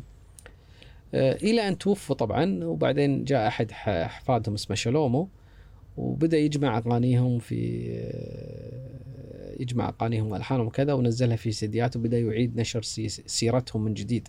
هذا ما دفع أحد بلدية تعتقد تل أبيب إنها تسمي آه، شارع آه، اي باسم الكويتي Brothers إي نعم. وهذول هم ها؟ إي هذول هم إي. إي. أه بس هم وفاء حق انه شلون تعلموا الفن بالكويت. يعني ولو انها كانت فترتهم بالكويت فترة بسيطة آه، نسبيا ما غيروا اسمهم. هم كصالح وداود. لا هم خلاص هم دخلوا في مجال الشهرة الآن بهذا خلاص هذا الاسم. إي. طبعا التسمية تسميه يذكر الدكتور رحمة الله عليه الدكتور صالح العجيري ان إن كان القناء مسألة غير مرغوب فيها وبالتالي ما يحطون اسمهم يحطون اسم آخر غير معروف. يعني ما يحط اسمه أو اسم عائلته. واضح. فسمى نفسه الكويتي. الكويتي يعني مسألة تمشي عايمة يعني. زين. أعتقد ان إن الدكتور يعقوب الغنيم له رأي في هذه المسألة يقول لا انهم إنهم آه آه، لما لما راحوا يسجلون أول اسطوانة لهم في بغداد أي. كان كان معاهم عبد اللطيف الكويتي. عادل عبد المغني المعروف. رحمة الله عليه عبد اللطيف العبيد الكويتي طبعا مسلم معروف. فلما راح يسجل أغانيه في بغداد آه، أيضا راحوا معاه صالح داود يسجلون لهم اسطوانة. فلأنهم كلهم كانوا يعتبرونهم من الكويت ولأن هذا اسمه عبد اللطيف الكويتي. فقالوا أيضا نسميكم أنتم صالح. داود الكويتي. أه أنا أضيف لها سبب يعني إن إن إن بداية شهرتهم آه، ظهرت بالكويت. وتعلموا القناع بالكويت وبدأت شهرتهم بالكويت ومنها انتقلت إلى العراق. وكانت مسألة نسب الإنسان إلى إلى إلى المنطقة التي أتى منها هذه مسألة كانت معروفة. والدليل على هذا الكلام ان في عدد كبير عدد يمكن أربع أو خمس أسر آه، يهودية في البحرين اسمها الكويتي. لليوم تقصد ولا؟ آه لا في تلك الفترة في, في تلك الفترة إيه يعني كان عندك آه ناجي آه خضوري وأخوه كانوا الكويتي ناجي خضوري الكويتي مثلا ساسون الكويتي يوسف الكويتي يعقوب الكويتي مم. كلهم ما لهم علاقة في بعض يعني كلهم أسر منفصلة بس هذا اسمه الكويتي وهذا اسمه الكويتي وهذا اسمه الكويتي هل كانوا يملكون أراضي وقتها دكتور؟ اليهود؟ إيه كانوا طبعا يملكون بيوت أكيد. عادي يعني ما كان لهم حق في امتلاك عن عن مسألة إنهم لهم الحق في في ممارسة التجارة بكل أنواعها. تمام. يملكون أراضي يملكون بيوت يملكون الوثائق البيع اللي دكاكين اللي كانوا وثائق موجوده عندنا إلى اليوم يعني. مم. إن فلان تاجر كويتي اشترى دكان بيع فلان يهودي أو باع بيته على يهودي أو اشترى من يهودي. آه، صالح ساسون محلب كان له قطعة من الأرض اللي اللي موجودة الآن في قرب آه، ساحة العلم ومنطقة الشيراتون هناك في هذا المكان آه، كان يملك جزء من هذه الأرض. يعني وجاء بعد ما بعد وفاته جاء واحد من أبنائه وأخذ قيمة هذه الأرض. كذي ها؟ اخذها أخذ قيمة الأرض ملكه يعني وباعها وأخذ نصيبه منها يعني. كان صالح صالح محلب وأخوه أعتقد اسمه داوود محلب. آه، كانوا يملكون آه، يملك جزء وهني يملك جزء يعني آه، من الأرض يعني. فبعدين بعد وفاتهم يعني جاء صالح. ولد صالح وباع هذه القطعة من الأرض وأخذ قيمتها يعني وهذا قال لي الروايه قصة أنور من الشيكوهين يعني وحل إشكالية كانت عندنا مشكلة إن شنو صار على هذه الأرض فقال لا أنور لا هو جاني دكاني وراح وباع هذه الأرض وأخذ فلوسه ومشى. مم. إحنا متعاون أنور شلون؟ شو اسمه اللي زرته بأمريكا؟ أنور منشي كوهين أنور بن شكوين إيه. متعاون شنو شنو هو انطباعه الحين؟ هل هو عن الوضع العام؟ أنا أنا انتبهت إنه إنه متابع للوضع في البحرين والكويت يعني. يعني ويعرف وذاكرته كانت قوية جدا يعني وكان يذكر الأسماء ويذكر الشخصيات و... تشوف نفسه هو كهويته شنو جنسيته؟ آه، هو عنده مشكلة في موضوع الهوية شوية إيه. لكن لذلك ما أقدر في المقابلات البسيطة اللي قابلتهم فيه إني أقدر أحدد هذه المسألة لكن اللي أنا كنت متأكد منه وشفته بعيني إنه كان لهم عندهم حنين لل- المنطقة هذه للمنطقة يعني إيه. يعني آه، بالذات اليهود ال- العرب اللي يسمون اليهود الشرقيين مم. اللي يسمونهم أحيانا آه، يسمونهم المزراحيم أو المزراحي اللي هي يهود الشرق إحنا عندنا ثلاث أنواع من اقسام اليهود في عندنا الأشكناز وهم اليهود الأوروبيين وتحديدا يهود ألمانيا ثم انطبقت على باقي أوروبا ما عدا شبه الجزيرة الأيبيرية اللي هي إسبانيا والبرتغال يسمونهم ال- ال- الأشكناز و... ولغتهم ال- اليديش وفي اليهود ال- السفارديم أو السفارد هؤلاء يعني غالبا تطلق على اليهود اللي كانوا في آه، في الأندلس أو شبه الجزيرة الأيبيرية. آه، في عندنا طبعا في ناس يكتفي بهذا التقسيم سفارد واشكناز. وفي بعض المؤرخين آه، أو بعض ال- ال- المهتمين في هذه المسألة يضيفون آه، اشكناز وسفارد والمزراحيم أو اشكنزم سفارديم ومزراحيم. المزراحيم هم اليهود الذين يعيشون في الشرق الأوسط وشمال أفريقيا. آه، هو ما زال إلى الآن يشعر في في في الحنين لهذه المنطقة آه، وأيضا يعني آه، ليس فقط لهذه المنطقة بل لكل ما هو عربي لذلك هو يقول يعني يقول حتى إحنا بناتنا ما نزوجهم إلا اليهود العرب اللي كذي إحنا ها؟ محتكين معاهم ونعرفهم يعرفونا يعني مم. آه، وهذه مسألة يعني قد تكون منطقية بالنسبة لشخص عاش كل هذه الفترات يعني في مم. في ال- ال- العراق والبحرين وبالكويت وأيضا إيران يعني الحين قبل ندش دكتور في تقسيم فلسطين في 1947 آخر قصة بس أنت ذكرت قصة خزقيل بن يوسف اليهودي. حزقيل. حزقيل عفوا. حزقيل بن يوسف اليهودي ودوره في الخلاف بين ثويني بن سعيد وشقيقه ماجد. أم حق المستمع آه، شوف بريطانيا بريطانيا في في عمان كانوا في البداية يواجهون مشكلة آه، اللي هو تعيين آه، معتمد سياسي أو موظف بريطاني في مسقط. ولأن الجو في مسقط كان يعني خلينا نقول شديد الحرارة وسيء. نعم، بالنسبة للبريطانيين آه، لذلك أول ش... أول كم شخص عينوهم واجهوا معاهم مشكلة في مسألة آه، الجو. يعني ما قدروا إنهم يتأقلمون مع موضوع الطقس. ف آه، فلجأوا وهذه يلجؤون لها بريطانيا. يعني أحيانا إذا إذا ما قدروا إنهم يعينون شخص كموظف بريطاني يعينون شيء يسمونه وكيل محلي. وأحيانا المناطق التي ليس لهم علاقة مباشرة فيها يعينون وكيل محلي أحيانا. يعني بالكويت كان في وكيل محلي قبل تعيين معتمد سياسي بالكويت. فعينوا حزقيل ك ك كموكيل محلي يسمونه. وكيل محلي. وظيفته يعني آه، وظيفته فقط نقل الأخبار والمعلومات. تمام. فقط للحكومة البريطانية. ليس رجل ليس موظفا بريطانيا. ففي هذه الفترة يعني آه، بعد وفاة ال- السلطان ال- ال- المشهور جدا سعيد بن سلطان اللي حكم من 1806 إلى 1856 تقريبا مدة 50 سنة استطاع أن يمد نفوذ عمان ما بين الجانب ال- الآسيوي والجانب الأفريقي فعمان إلى من- مناطق اللي هي زنجبار وما حول زنجبار. آه، ثم بعد وفاة آه، وفاة سعيد بن سلطان. تدخلت الحكومة البريطانية آه، أو بعد وفاة سعيد بن سلطان. طبعا حكم مسقط آه، ولد ثويني وحكم آه، جانب زنجبار ابن ابنه اللي هو ماجد ابن سعيد بن سلطان. فصاروا الأخوة ثويني في مسقط وماجد في زنجبار. ولأن زنجبار كانت في تلك الفترة أثرى من من من مسقط من عمان آه، لذلك قرر ثويني أن يعود ويجمع آه، المنطقتين. آه، مع بعضهم خصوصا أن أن هذه المنطقة كانت أثرى زنجبار. انه يعيدها كما كانت في عهد والده انها دولة واحدة. واضح. فقرر انه انه يجهز لحملة ل- ل- ل- لضم آه، زنجبار.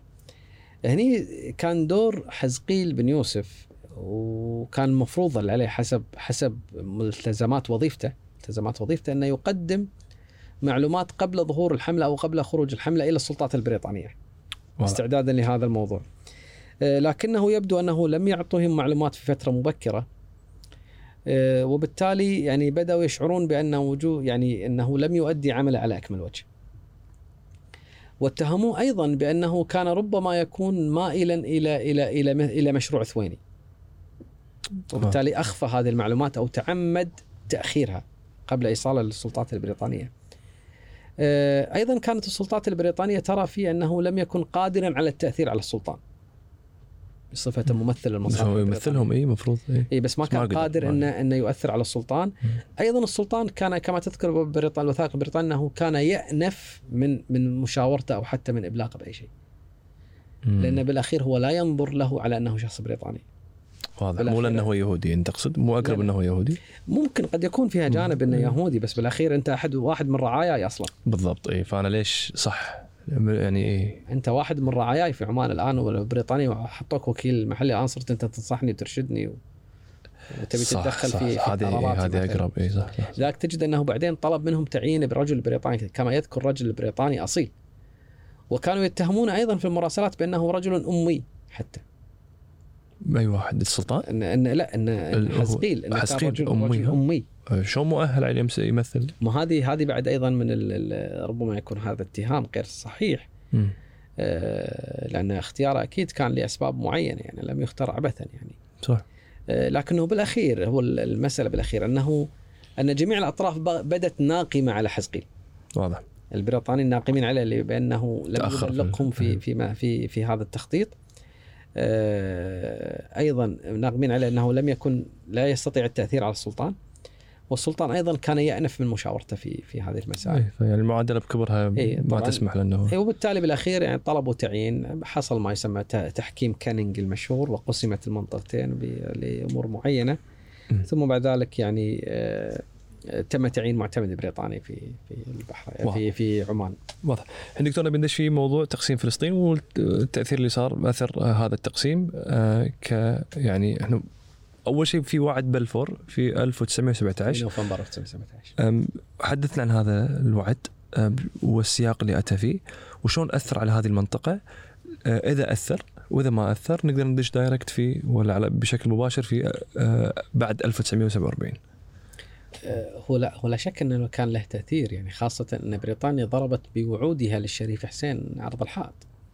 بإقامة إن إن العرب يقومون بمناصرة آه، آه، بريطانيا ضد الدولة العثمانية في مقابل أنه يسمح بقيام دولة عربية في هذه المنطقة.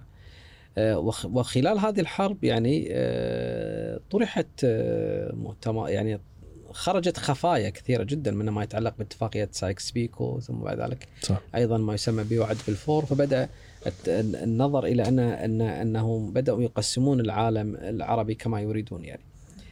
آه، خاصة ان أنه هذا الوعد آه، أعطى من لا من لا يملك لمن لا يستحق. بريطانيا لا تملك صح. فلسطين ودولة إسرائيلية معزومة هي بالشك هي بلا شك لا يستحقون يعني. آه، كحال اليهود كانوا موجودين أيضا في هذه الفترة كانوا موجودين يعيشون في فلسطين بشكل آه، حالهم حال غيرهم يعني.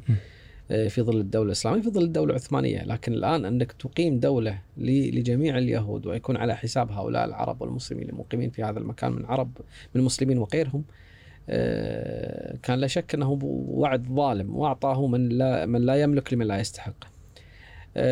لكن يبدو أن العرب في هذه الفترة ما استوعبوا هذه المتغيرات. آه، لكن بعد عدة سنوات بعد عدة سنوات يعني من بداية العشرينات بدأت تتضح الصورة خاصة من خلال اتجاه اليهودي لمسألة شراء آه، بعض الأراضي وبعض الكذا وفي اليهود اللي كانوا عايشين في المناطق الخليجية قاعد يشترون أراضي هناك لا مثلا مو اللي في عايش مناطق آه، أتكلم بشكل عام. اليهود اللي جايين في من أوروبا من أوروبا، بالذات أي. يعني و- وبدأت تظهر تظهر شركات أوروبية تدعم هذه المسائل وهذه العملية مم. ويبدو أن كثير من العرب لم يكن قد استوعب آه، ما يحدث على أرض الواقع يعني آه، ثم بعد ذلك بدأت عاد تظهر ال- المسائل بشكل أوضح وبدأ العرب يثورون على هذه المسألة.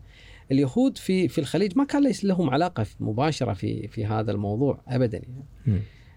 آه، إلى أن إلى أن قامت دولة إسرائيل. وبعدين قامت دولة إسرائيل و صار الاعتراف اللي صار في 47 صار طبعا تقسيم ال- الأمم المتحدة مم. آه، قرار الامم المتحده بتقسيم فلسطين ثم بعد ذلك آه، إعلان قيام دولة إسرائيل في 48 مم. في آه، أعتقد شهر آه، مايو. قرار الامم المتحده كان في ديسمبر. قرار الامم المتحده بتقسيم فلس- فلسطين كان في ديسمبر أعتقد 1947 مم. وإنشاء قيام دولة إسرائيل كان في أعتقد في مايو 1948 عدل فمن من بدأ القرار الامم المتحده بدأت آه، تظهر آه، الدعوات في في آه، لمقاومة آه، ما حدث يعني الحركة الصهيونية الحركة الصهيونية بشكل عام. لذلك استغل بعض الناس هذه المسألة في في في في إثارة بعض الأمور تجاه بعض اليهود اللي كانوا موجودين في المنطقة. ولكن كانت بالأخير حتى رغم ما حدث في بعض المناطق إلا أنه كان حالات فردية. ولفترة مؤقتة الحس القومي كان عالي، حس الغضب اللي كان موجود عند العرب في في هذه المسألة. لذلك بدأت تظهر الدعوات لمقاومة اليهود دون أحيانا دون آه، دون التمييز ما بين آه، ما هو يهودي وما هو صهيوني. آه، ومع هذا كله نجد أن كثير من الخليجيين كانوا واعيين لهذه المسألة لذلك هم من كانوا يبادرون بحماية اليهود اللي كانوا موجودين. في قصة تحضر في بالك قصص كثيرة جدا يعني كمثال في في ال- ال- البحرين. آه، أحد رجال الدين اللي في البحرين كان واحدهما سني والآخر شيعي. أعتقد إنه واحد ال- المهزع في البحرين أحد كبار ال- الدين اللي موجودين في البحرين المشهورين. آه، فتح بيته لبعض اليهود ورفض أن أن أحد يقترب منهم. حق المستمع اللي صار في البحرين هي ثلاث أيام صارت مظاهرات صارت بشكل مظاهرات. إي. وكل المصادر اليهود والبريطانيين والمصادر العربية يؤكدون أن البحرينيين ليس لهم علاقة في هذه المسألة. عيل منو اللي كان يتظاهر؟ لا ليس لهم ليس لهم علاقة بالتظاهرات نعم لكن أي. ليس لهم علاقة في الاعتداء على اليهود. صار في اعتداء على اليهود في صار في حالات. تمام. نعم صار في حالات. أه لما لما قررت الامم المتحده تقسيم فلسطين أه قامت اللجان الشعبية بمحاولة أه عمل مظاهرات احتجاجا على هذه القرارات. وكانت هذه الاحتجاجات لمدة تقريبا ثلاثة أو أربعة أيام. اليوم الأول مر بسلام. اليوم الثاني تم تسكير أه المحلات سواء كانوا محلات ال- البحرينيين أو آه، محلات ال- آه، اليهود يعني حتى اليهود قالوا سكروا محلاتكم عشان لا تثيرون تعرف مم. الآن في مثل هذه الهتافات هذه هذه هذا بالبحرين هذا دكتور إيه، هي بالبحرين اي آه، فتعرف يعني كان في وعي ثقافي موجود في البحرين واضح إنه كان. يصير في تنظيم مظاهرات طبعاً. وغيرها مع قضية عربية واضحة طبعا البحرين من أوائل المناطق كان- اللي كان فيها, فيها البحرين وعي, أقصى ال- وعي سياسي كبير جدا يعني في البحرين إيه لأن فلسطين في في غرب تقريبا يعني انتماء الخليجيين كانوا مرتبطين بالقضية الفلسطينية من العشرينات كانوا. يهربون السلاح للفلسطينيين. وكانت تجمع التبرعات ترى في الكويت وفي البحرين تجمع وترسل إلى فلسطين هل كانت تجمع من تب... قبل الثلاثينات هل كانت تجمع تبرعات من قبل الصهاينة من اليهود السكان في المناطق العربية؟ كانوا يشاركون أحيانا اليهود اللي موجودين بالخليج. بل أن اليهود في البحرين آه، أصدروا بيان باسم الطائفة الإسرائيلية آه، يرفضون فيه قرار تقسيم فلسطين وي- ويصرحون في هذا البيان بأنهم ينضمون إلى جانب إخوانهم العرب في مقاومة الصهيونية. فهم يشوفون نفسهم إنهم آه، أصحاب يعني مع, مع القضية الفلسطينية. مع قصدي إحنا عرب. هي قضية إيه، العرب. عرب، إيه. وبالتالي نحن عرب أيضا. واضح. ضد الحركة الصهيونيه نزلوا بيان باسم الطائفة الإسرائيلية في البحرين. اليوم الأول كان هادي اليوم الثاني شنو صار؟ اليوم الأول كان هادي، اليوم الثاني آه، أثناء المظاهرات أو الثالث آه، وهم ماشيين في في هذه المسألة. دعا طفل بأنه قد تعرض لرمي حجارة من أحد المنازل اليهودية. و آه، طبعا آه، كان في مجموعة في المظاهرات آه، كانوا من الأشخاص الذين لم يعلموا حتى أيضا أنها أصلا مظاهرة سياسية. بعضهم أعتقد أنها مأتم. المآتم اللي تحدث في المناسبات الدينية الشيعية مثلا. فشارك فيها عدد من البحارة وعدد من الحمالين اللي في المينا وعدد من. الناس ال- ال- ال- اللي ما عندهم حتى اهتمامات في مثل هذه المسألة. فلما ادعى هذا الطفل بأنه تعرض لل- للقذف بالحجارة من أحد المنازل اليهودية آه، قام هؤلاء ال- ال- ال- المجموعة خلينا نقول ال- اللي اللي لم لم تأتي إلى المظاهرة ل- لهدف مناصرة فلسطين بل هي أحيانا لا تعتقد حتى لا تعرف حتى ماذا يحدث يعني مجرد مظاهرة وخرجت معها.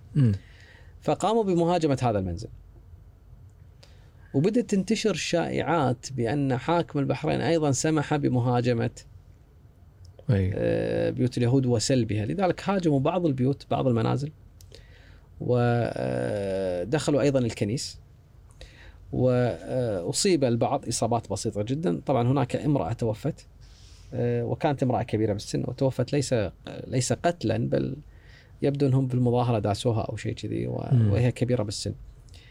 آه، وهنا تدخل منظمين المظاهرة وتدخل كبار الشخصيات البحرين كبار الشخصيات في البحرين ورجال الدين وقاموا بحماية اليهود. حتى أن أحد البحرينيين قام بإخراج آه، أبنائه وقال آه، يعني بمعنى مهجة محلية على جثتي أنكم مم. توصلوا لهم ودخلهم داخل بيته و... وبدأوا يقدموا لهم المساعدات ويقدموا لهم الحماية وكذا.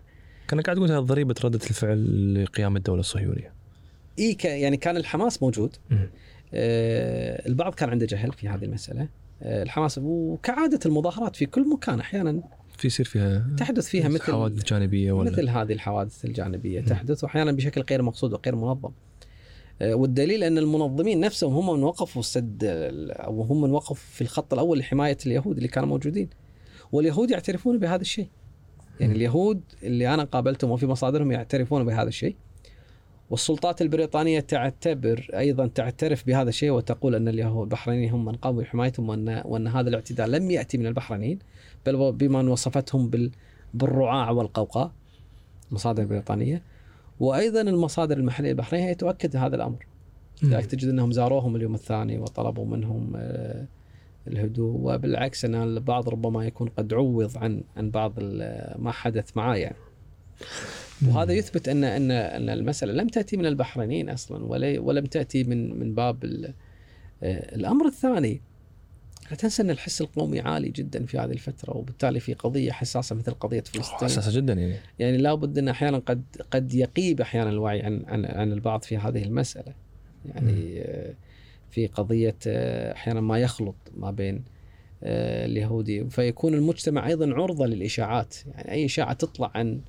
عن عن شخص معين يعني يعني في في أحد الصحف العربية كتبت أن في المظاهرات اللي صارت بالكويت في في نفس القضية في نفس الإطار آه، أنهم خرجوا اليهود وأطلقوا النار مم. على المظاهرة يعني.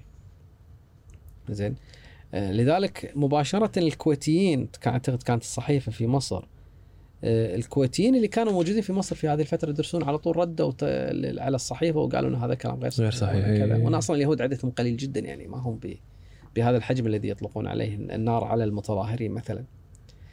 آه، وأيضا كردة فعل تجد أن مثلا ال- ال- البحرينيين أصدروا آه، البيان وشاركوا في جمع التبرعات لكذا وحتى في الكويت أيضا هني يعني جاءوا لجمع التبرعات والمشاركه في مسألة التبرعات. آه، لأنهم أيضا لا يشعرون في الانتماء لهذه الدولة الجديدة وبعضهم ربما كان يخشى أيضا هذه الدولة. خاصة من التجار.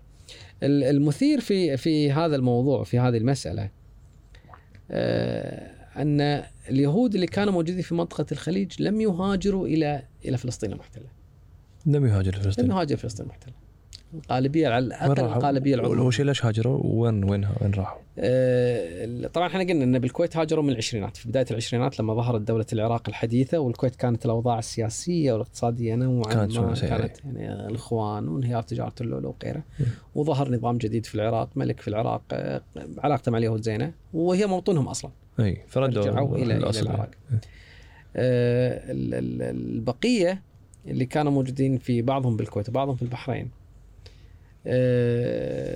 يعني بعضهم هاجر يعني أنا حتى كنت أسألهم يعني أنتم ليش حد قال لكم هاجروا؟ لا والله بس إحنا بعضنا نخاف. يعني أوكي أنت خ... يعني حتى سالته السؤال أنت خفت يعني في شيء كان يهدد حياتك؟ قال لا ما في شيء يهدد حياتي بس هو خوف مبالغ فيه. عدم استقرار. يعني أحس إني مو مرتاح. عاطفيا. على الأقل إلى أن تنتهي هذه المسألة. فالبعض أيضا هاجر. آه، البعض الآخر بعد أن قل عدد اليهود بدأ يواجه مشكلة في مسألة الزواج. مم. فيبي يروح أنا في البحرين قالوا لي قال إحنا عندنا مشكلة الزواج. زين. آه، شبابنا يروحون يدرسون. فبعضهم لما يروح يدرس هناك يستقر هناك. خلاص يقعد هنا فبناتنا من ياخذهم هني. يتكلمون معي بهذا المنطق يعني. زين. اي بس هم اسر أسر يعني قليلة. فو بالضبط حتى لو ما راحوا الشباب هناك هم الأعداد قليلة يعني بالضبط. ممكن اي يعني ف... ما في فرص مناسبة كانت. حتى هذه هذه هم قالوها لي يعني قالوا لي بصريح العباره آه، فهاجروا ال- ال- المنطقة بس وين راحوا؟ الاغلبيه العظمى بالذات الطبقة التجار والوسطى لم تذهب إلى إسرائيل وين؟ أمريكا؟ لأن بالأخير هي إسرائيل دولة حديثة أصلا ومسألة ال- إنها راح تكون مناسبة للاستقرار هذه مسألة غير دقيقة يعني إلى الآن لم تتضح. الأمر الآخر بالنسبة للتجار رأس المال الجبال لا يذهب إلى منطقة هي معرضة للمنازعات وحديثة جدا فذهبوا إلى المناطق المستقرة فاغلبيتهم هاجروا إما إلى أوروبا أو إلى أمريكا وكندا. يعني انور مشي في كوهين في أمريكا، اخوه كان في اخوه في كندا، الباجين راحوا بريطانيا واستقروا بس هناك. في أسر قعدت في آه، البحرين. أسر ظلت في البحرين، في البحرين. في البحرين. البحرين شو اللي يخصها إن اليوم في شيء خاص في البحرين حتى اليوم مثلا نانسي خضوري تو ذكرناها اللي هي عضوه في مجلس الشورى البحريني من 2010 وأيضا هدى عزرا النونو كانت آه، سفيرة. اللي كانت هم عضوه سابقه مجلس الشورى أيوة. وكانت سفيرة في أيوة. الولايات المتحدة يعني مو أي دولة. صح. فواضح انه في شيء موجود في البحرين لليوم ما معطيهم هذا النوع من الاستقرار شوف يعني. اولا اولا آه، التنوع الديني والعرقي في البحرين أكثر من الكويت من زمان. من زمان. وهذا أمر يشجع. تجد عندها المسيحيين عددهم أكبر تجد عندهم الهنود بطوائفهم مختلفة أكثر. كل شيء. آه، ففي تنوع أكثر من الكويت. زين. في تسامح بالكويت والبحرين في استقرار في الكويت والبحرين في تجارة بالكويت والبحرين لكن هذه تتمتع فيها البحرين أكثر من الكويت. هذا واحد. اثنين آه، البحرين كانت بالنسبة للحكومة البريطانية. هي محمية بريطانية. عدل والكويت تحت الحماية البريطانية. وفي فرق فرق. بين اي البحرين تعتبر محمية بريطانية والكويت تحت الحماية البريطانية. لذلك المعتمد البريطاني لا يتدخل بالشؤون الداخلية للكويت. وفقا لاتفاقيات الحماية ما يتعلق في الأمور الخارجية في م. علاقات مع الدول والكيانات الأخرى. أما ما يتعلق في الأمور الداخلية م، غالبا لا يتدخل المعتمد البريطاني. في البحرين الأمر مختلف بل أن في البحرين تم تعيين مستشار مالي. آه، في آه، يسمونه المستشار. هو كان أساسا مستشار مالي بعدين صار مستشار في كل شيء. واشهرهم وأشهرهم تشارلز آه، بلغريف يعني قاعد تقريبا أكثر من 20 سنة. مم. آه، وله بالمناسبة كتابين حول آه، عن البحرين يعني. وبالتالي كانت نفوذ ال- الحكومة البريطانية في في البحرين أكبر من نفوذها في الكويت. فكانت تشكل يعني تشكل آه، مناخ مختلف؟ مو بس مناخ تشكل آه، يعني آه، حزام أمني خلينا نقول لهذه المجموعة. تشكل حماية آه، واضح. تشكل منطقة أحيانا عازلة ما بينهم وبين مسألة تدخلات الناس في شؤونهم الخاصة وفي شؤونهم الكذا كيهود آه، كانت خط دفاع عنهم مثلا. آه، خاصة أنهم كانوا الحكومة البريطانية دائما تميل إلى إلى إلى الاهتمام في مسألة الأقليات. لأنهم تعتبرها دائما كطبقة وظيفية ما بين الشعب وبين الحاكم وبينهم. واضح. آه، لذلك تجد أن الحكومة البريطانية لما تجي تعين وكيل محلي انتبه وكيل محلي غالبا تكون الأقلية لا تعينه من عامة الناس تعينه من الأقليات.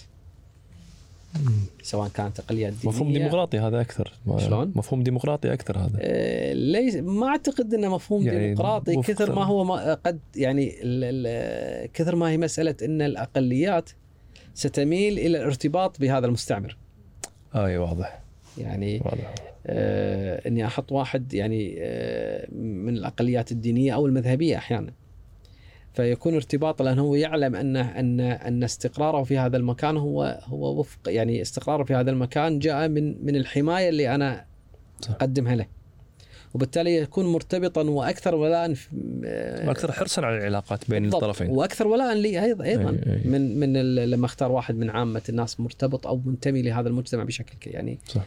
قديم وكبير فدائما يختارون من الأقليات فالبحرين وجود المستشار يعني وجود آه، سلطة بريطانية قوية جدا في الداخل أي وجود هذا التنوع ال- ال- العرقي والديني اللي موجود في البحرين هو من جعلهم يعني في آه، أكثر استقرارا في لأن السلطة البريطانية في البحرين كانت قوية جدا بعكس الكويت مم. آه، يعني المستشار البحريني كان مستشار البحرين البريطاني كان عنده مجموعة من القوات يعني يعني عنده عسكر قوات قوات عسكر عنده عسكري مم. مثلا في الكويت لا هو كان موظفين معتمدين بريطانيا ما يتجاوزون أربعة خمسة يمكن يدقق عليهم بعد آه، اي فالكاتب معتمدين. والمعتمد مع كاتب ومع طباخ ومع أربعة خمسة يعني مم. في البحرين لا كان عنده موظفين وكان عنده أيضا قوة عسكرية. كان الوضع حيل مختلف في موضوع البحرين. خوش كلام دكتور. الله يعافيك. عساك على القوة طولنا عليك الله شوي. يقويك بس ويسلمك إحنا كنا بندش في التفاصيل ودخلتنا عالم جديد آه، عجيب أو ما عمرنا يعني دشينا فيه بهذه التفاصيل. آه، وهذه وهذه مشكلة المؤرخين ترى. إيه أنت تدشون في عالم ما تدخلنا معاكم. لازم كذي نقعد معاكم وتقصون لنا والله إحنا واحدة من مشاكلنا أصلا ان التاريخ عالم مفتوح يعني كل صح. يعني والدليل إحنا لما نجي نقعد في دواوين نقعد نسولف في الناس اللي ما يعرفون إن إحنا متخصص الكل الكل يتكلم. والتاريخ يعني هذه بعد واحدة من ميزات التاريخ إن الكل يستخدم التاريخ. فتقعد بديوانية واحد يعطيك قصة رواية تاريخية وكذا وتقول له يا أخي مو صحيح هذا اللي هو ما يعرفك طبعا تقول له مو صحيح يقول له أنت إيش عرفك؟ إي. وما يدري إن أنت دكتور قسم التاريخ وطول عمرك تدرس تاريخ. صح بس تعرف شلون تحقق الم... تتحقق المصادر إي هو ما. يعرفك فيقول لك أنت إيش عارفك تقول يا أخي أنا طول عمري أدرس تاريخ كذا. هذه الرواية بهذه الطريقة غير سليمة. ها يبدأ تو يستوعب الحين مثلا بعدين. يقول إي بس أكيد أنتم اللي تدرسون غلط.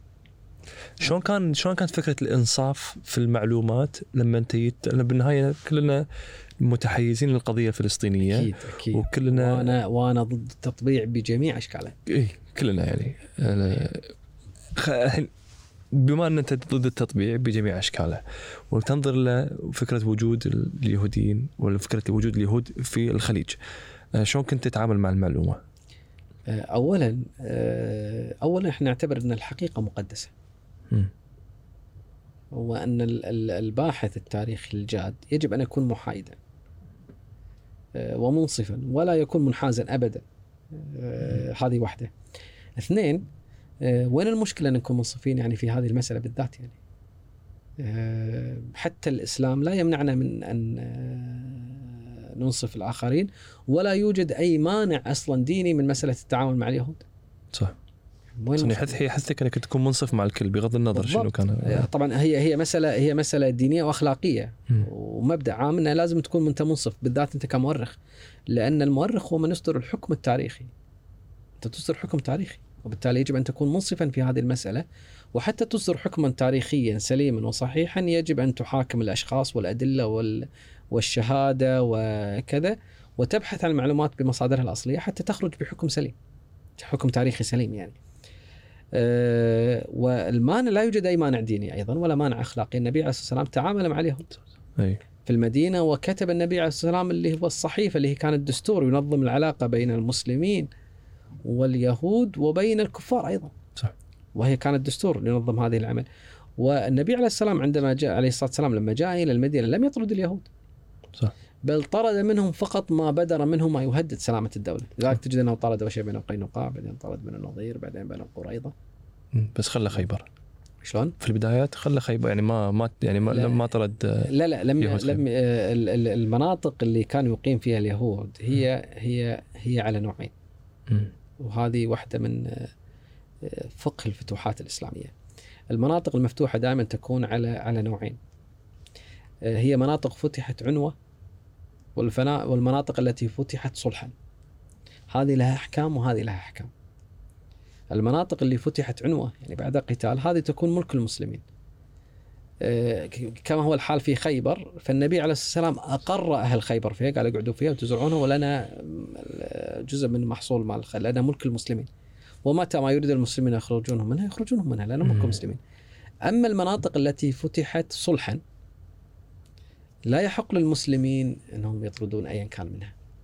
لذلك واحدة من واحدة من الأمور الخاطئة اللي اللي اللي روي- رويت عن عن عمر بن الخطاب يعني رضي. الله عنه وعمر هو رجل يعني الإمام العادل الخليفة العادل أنه طرد اليهود من الجزيرة العربية هذا الكلام غير سليم.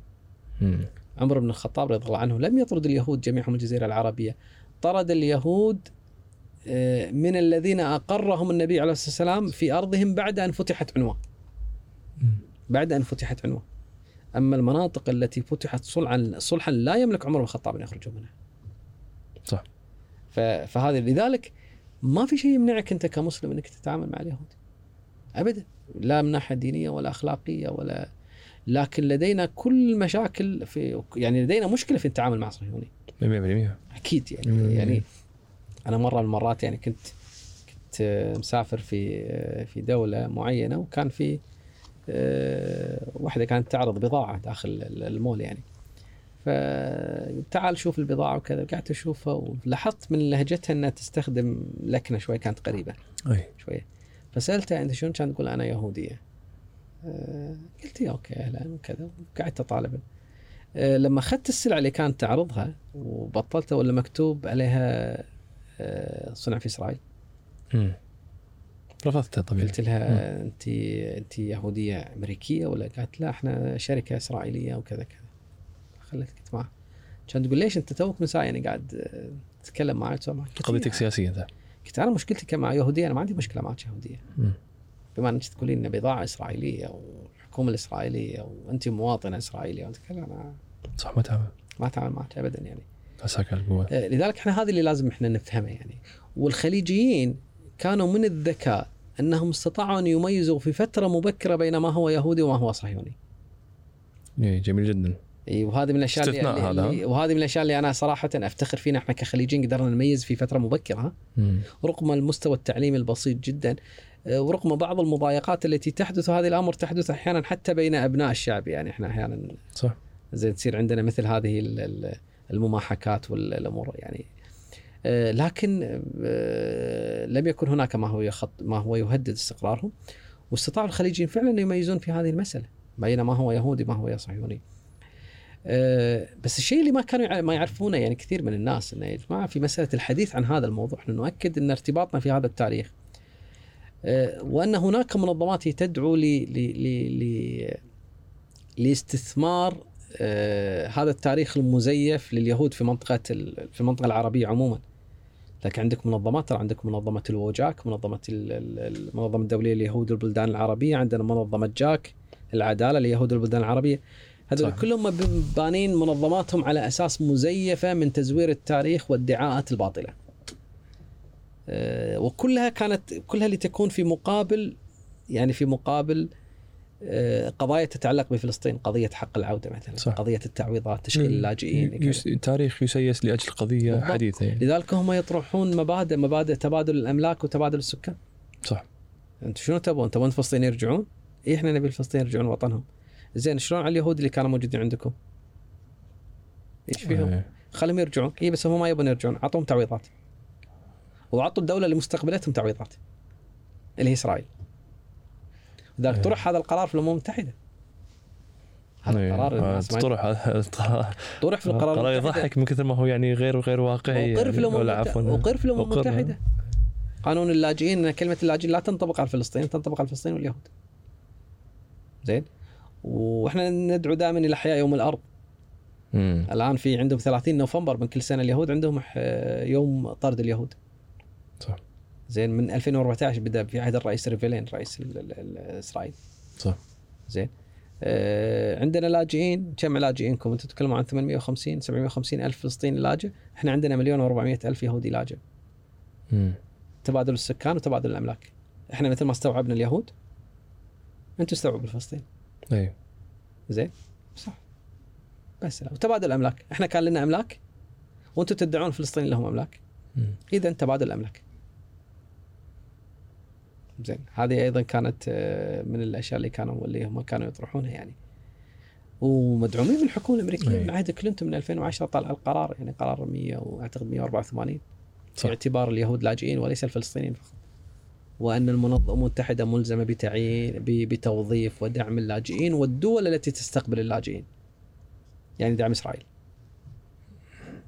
وفي في يعني إدارات تابعه لقصر الوزير العدل الإسرائيلي تدعو لمثل هذه الآن يطالبون بتعويضات تصل إلى 250 مليار اي شغلات فلو ترك لهم الموضوع التعامل بالتاريخ بهذه الطريقة آه، سنخرج يعني إحنا خسرانين بالعكس. عساك على القوة دكتور الله وأنا يعني. سعيد جدا اليوم إن نقدر إحنا نناقش آه، تاريخ مثل هذا بطريقة موضوعية من شخص آه، باحث عربي كويتي هو يسد هذا الفراغ بدل ما أحد ي- ويسده لأسباب سياسية. مشكور دكتور على نيتك مشكور على ثقتك فينا مشكور على حضورك العفو الاستوديو. أخوي فيصل مشكور ومشكور أيضا للأخت آه، منيره منيره شريفي. مشكورة يعطيكم منيره العافية. الله يسلمك. على خير في الله شكرا.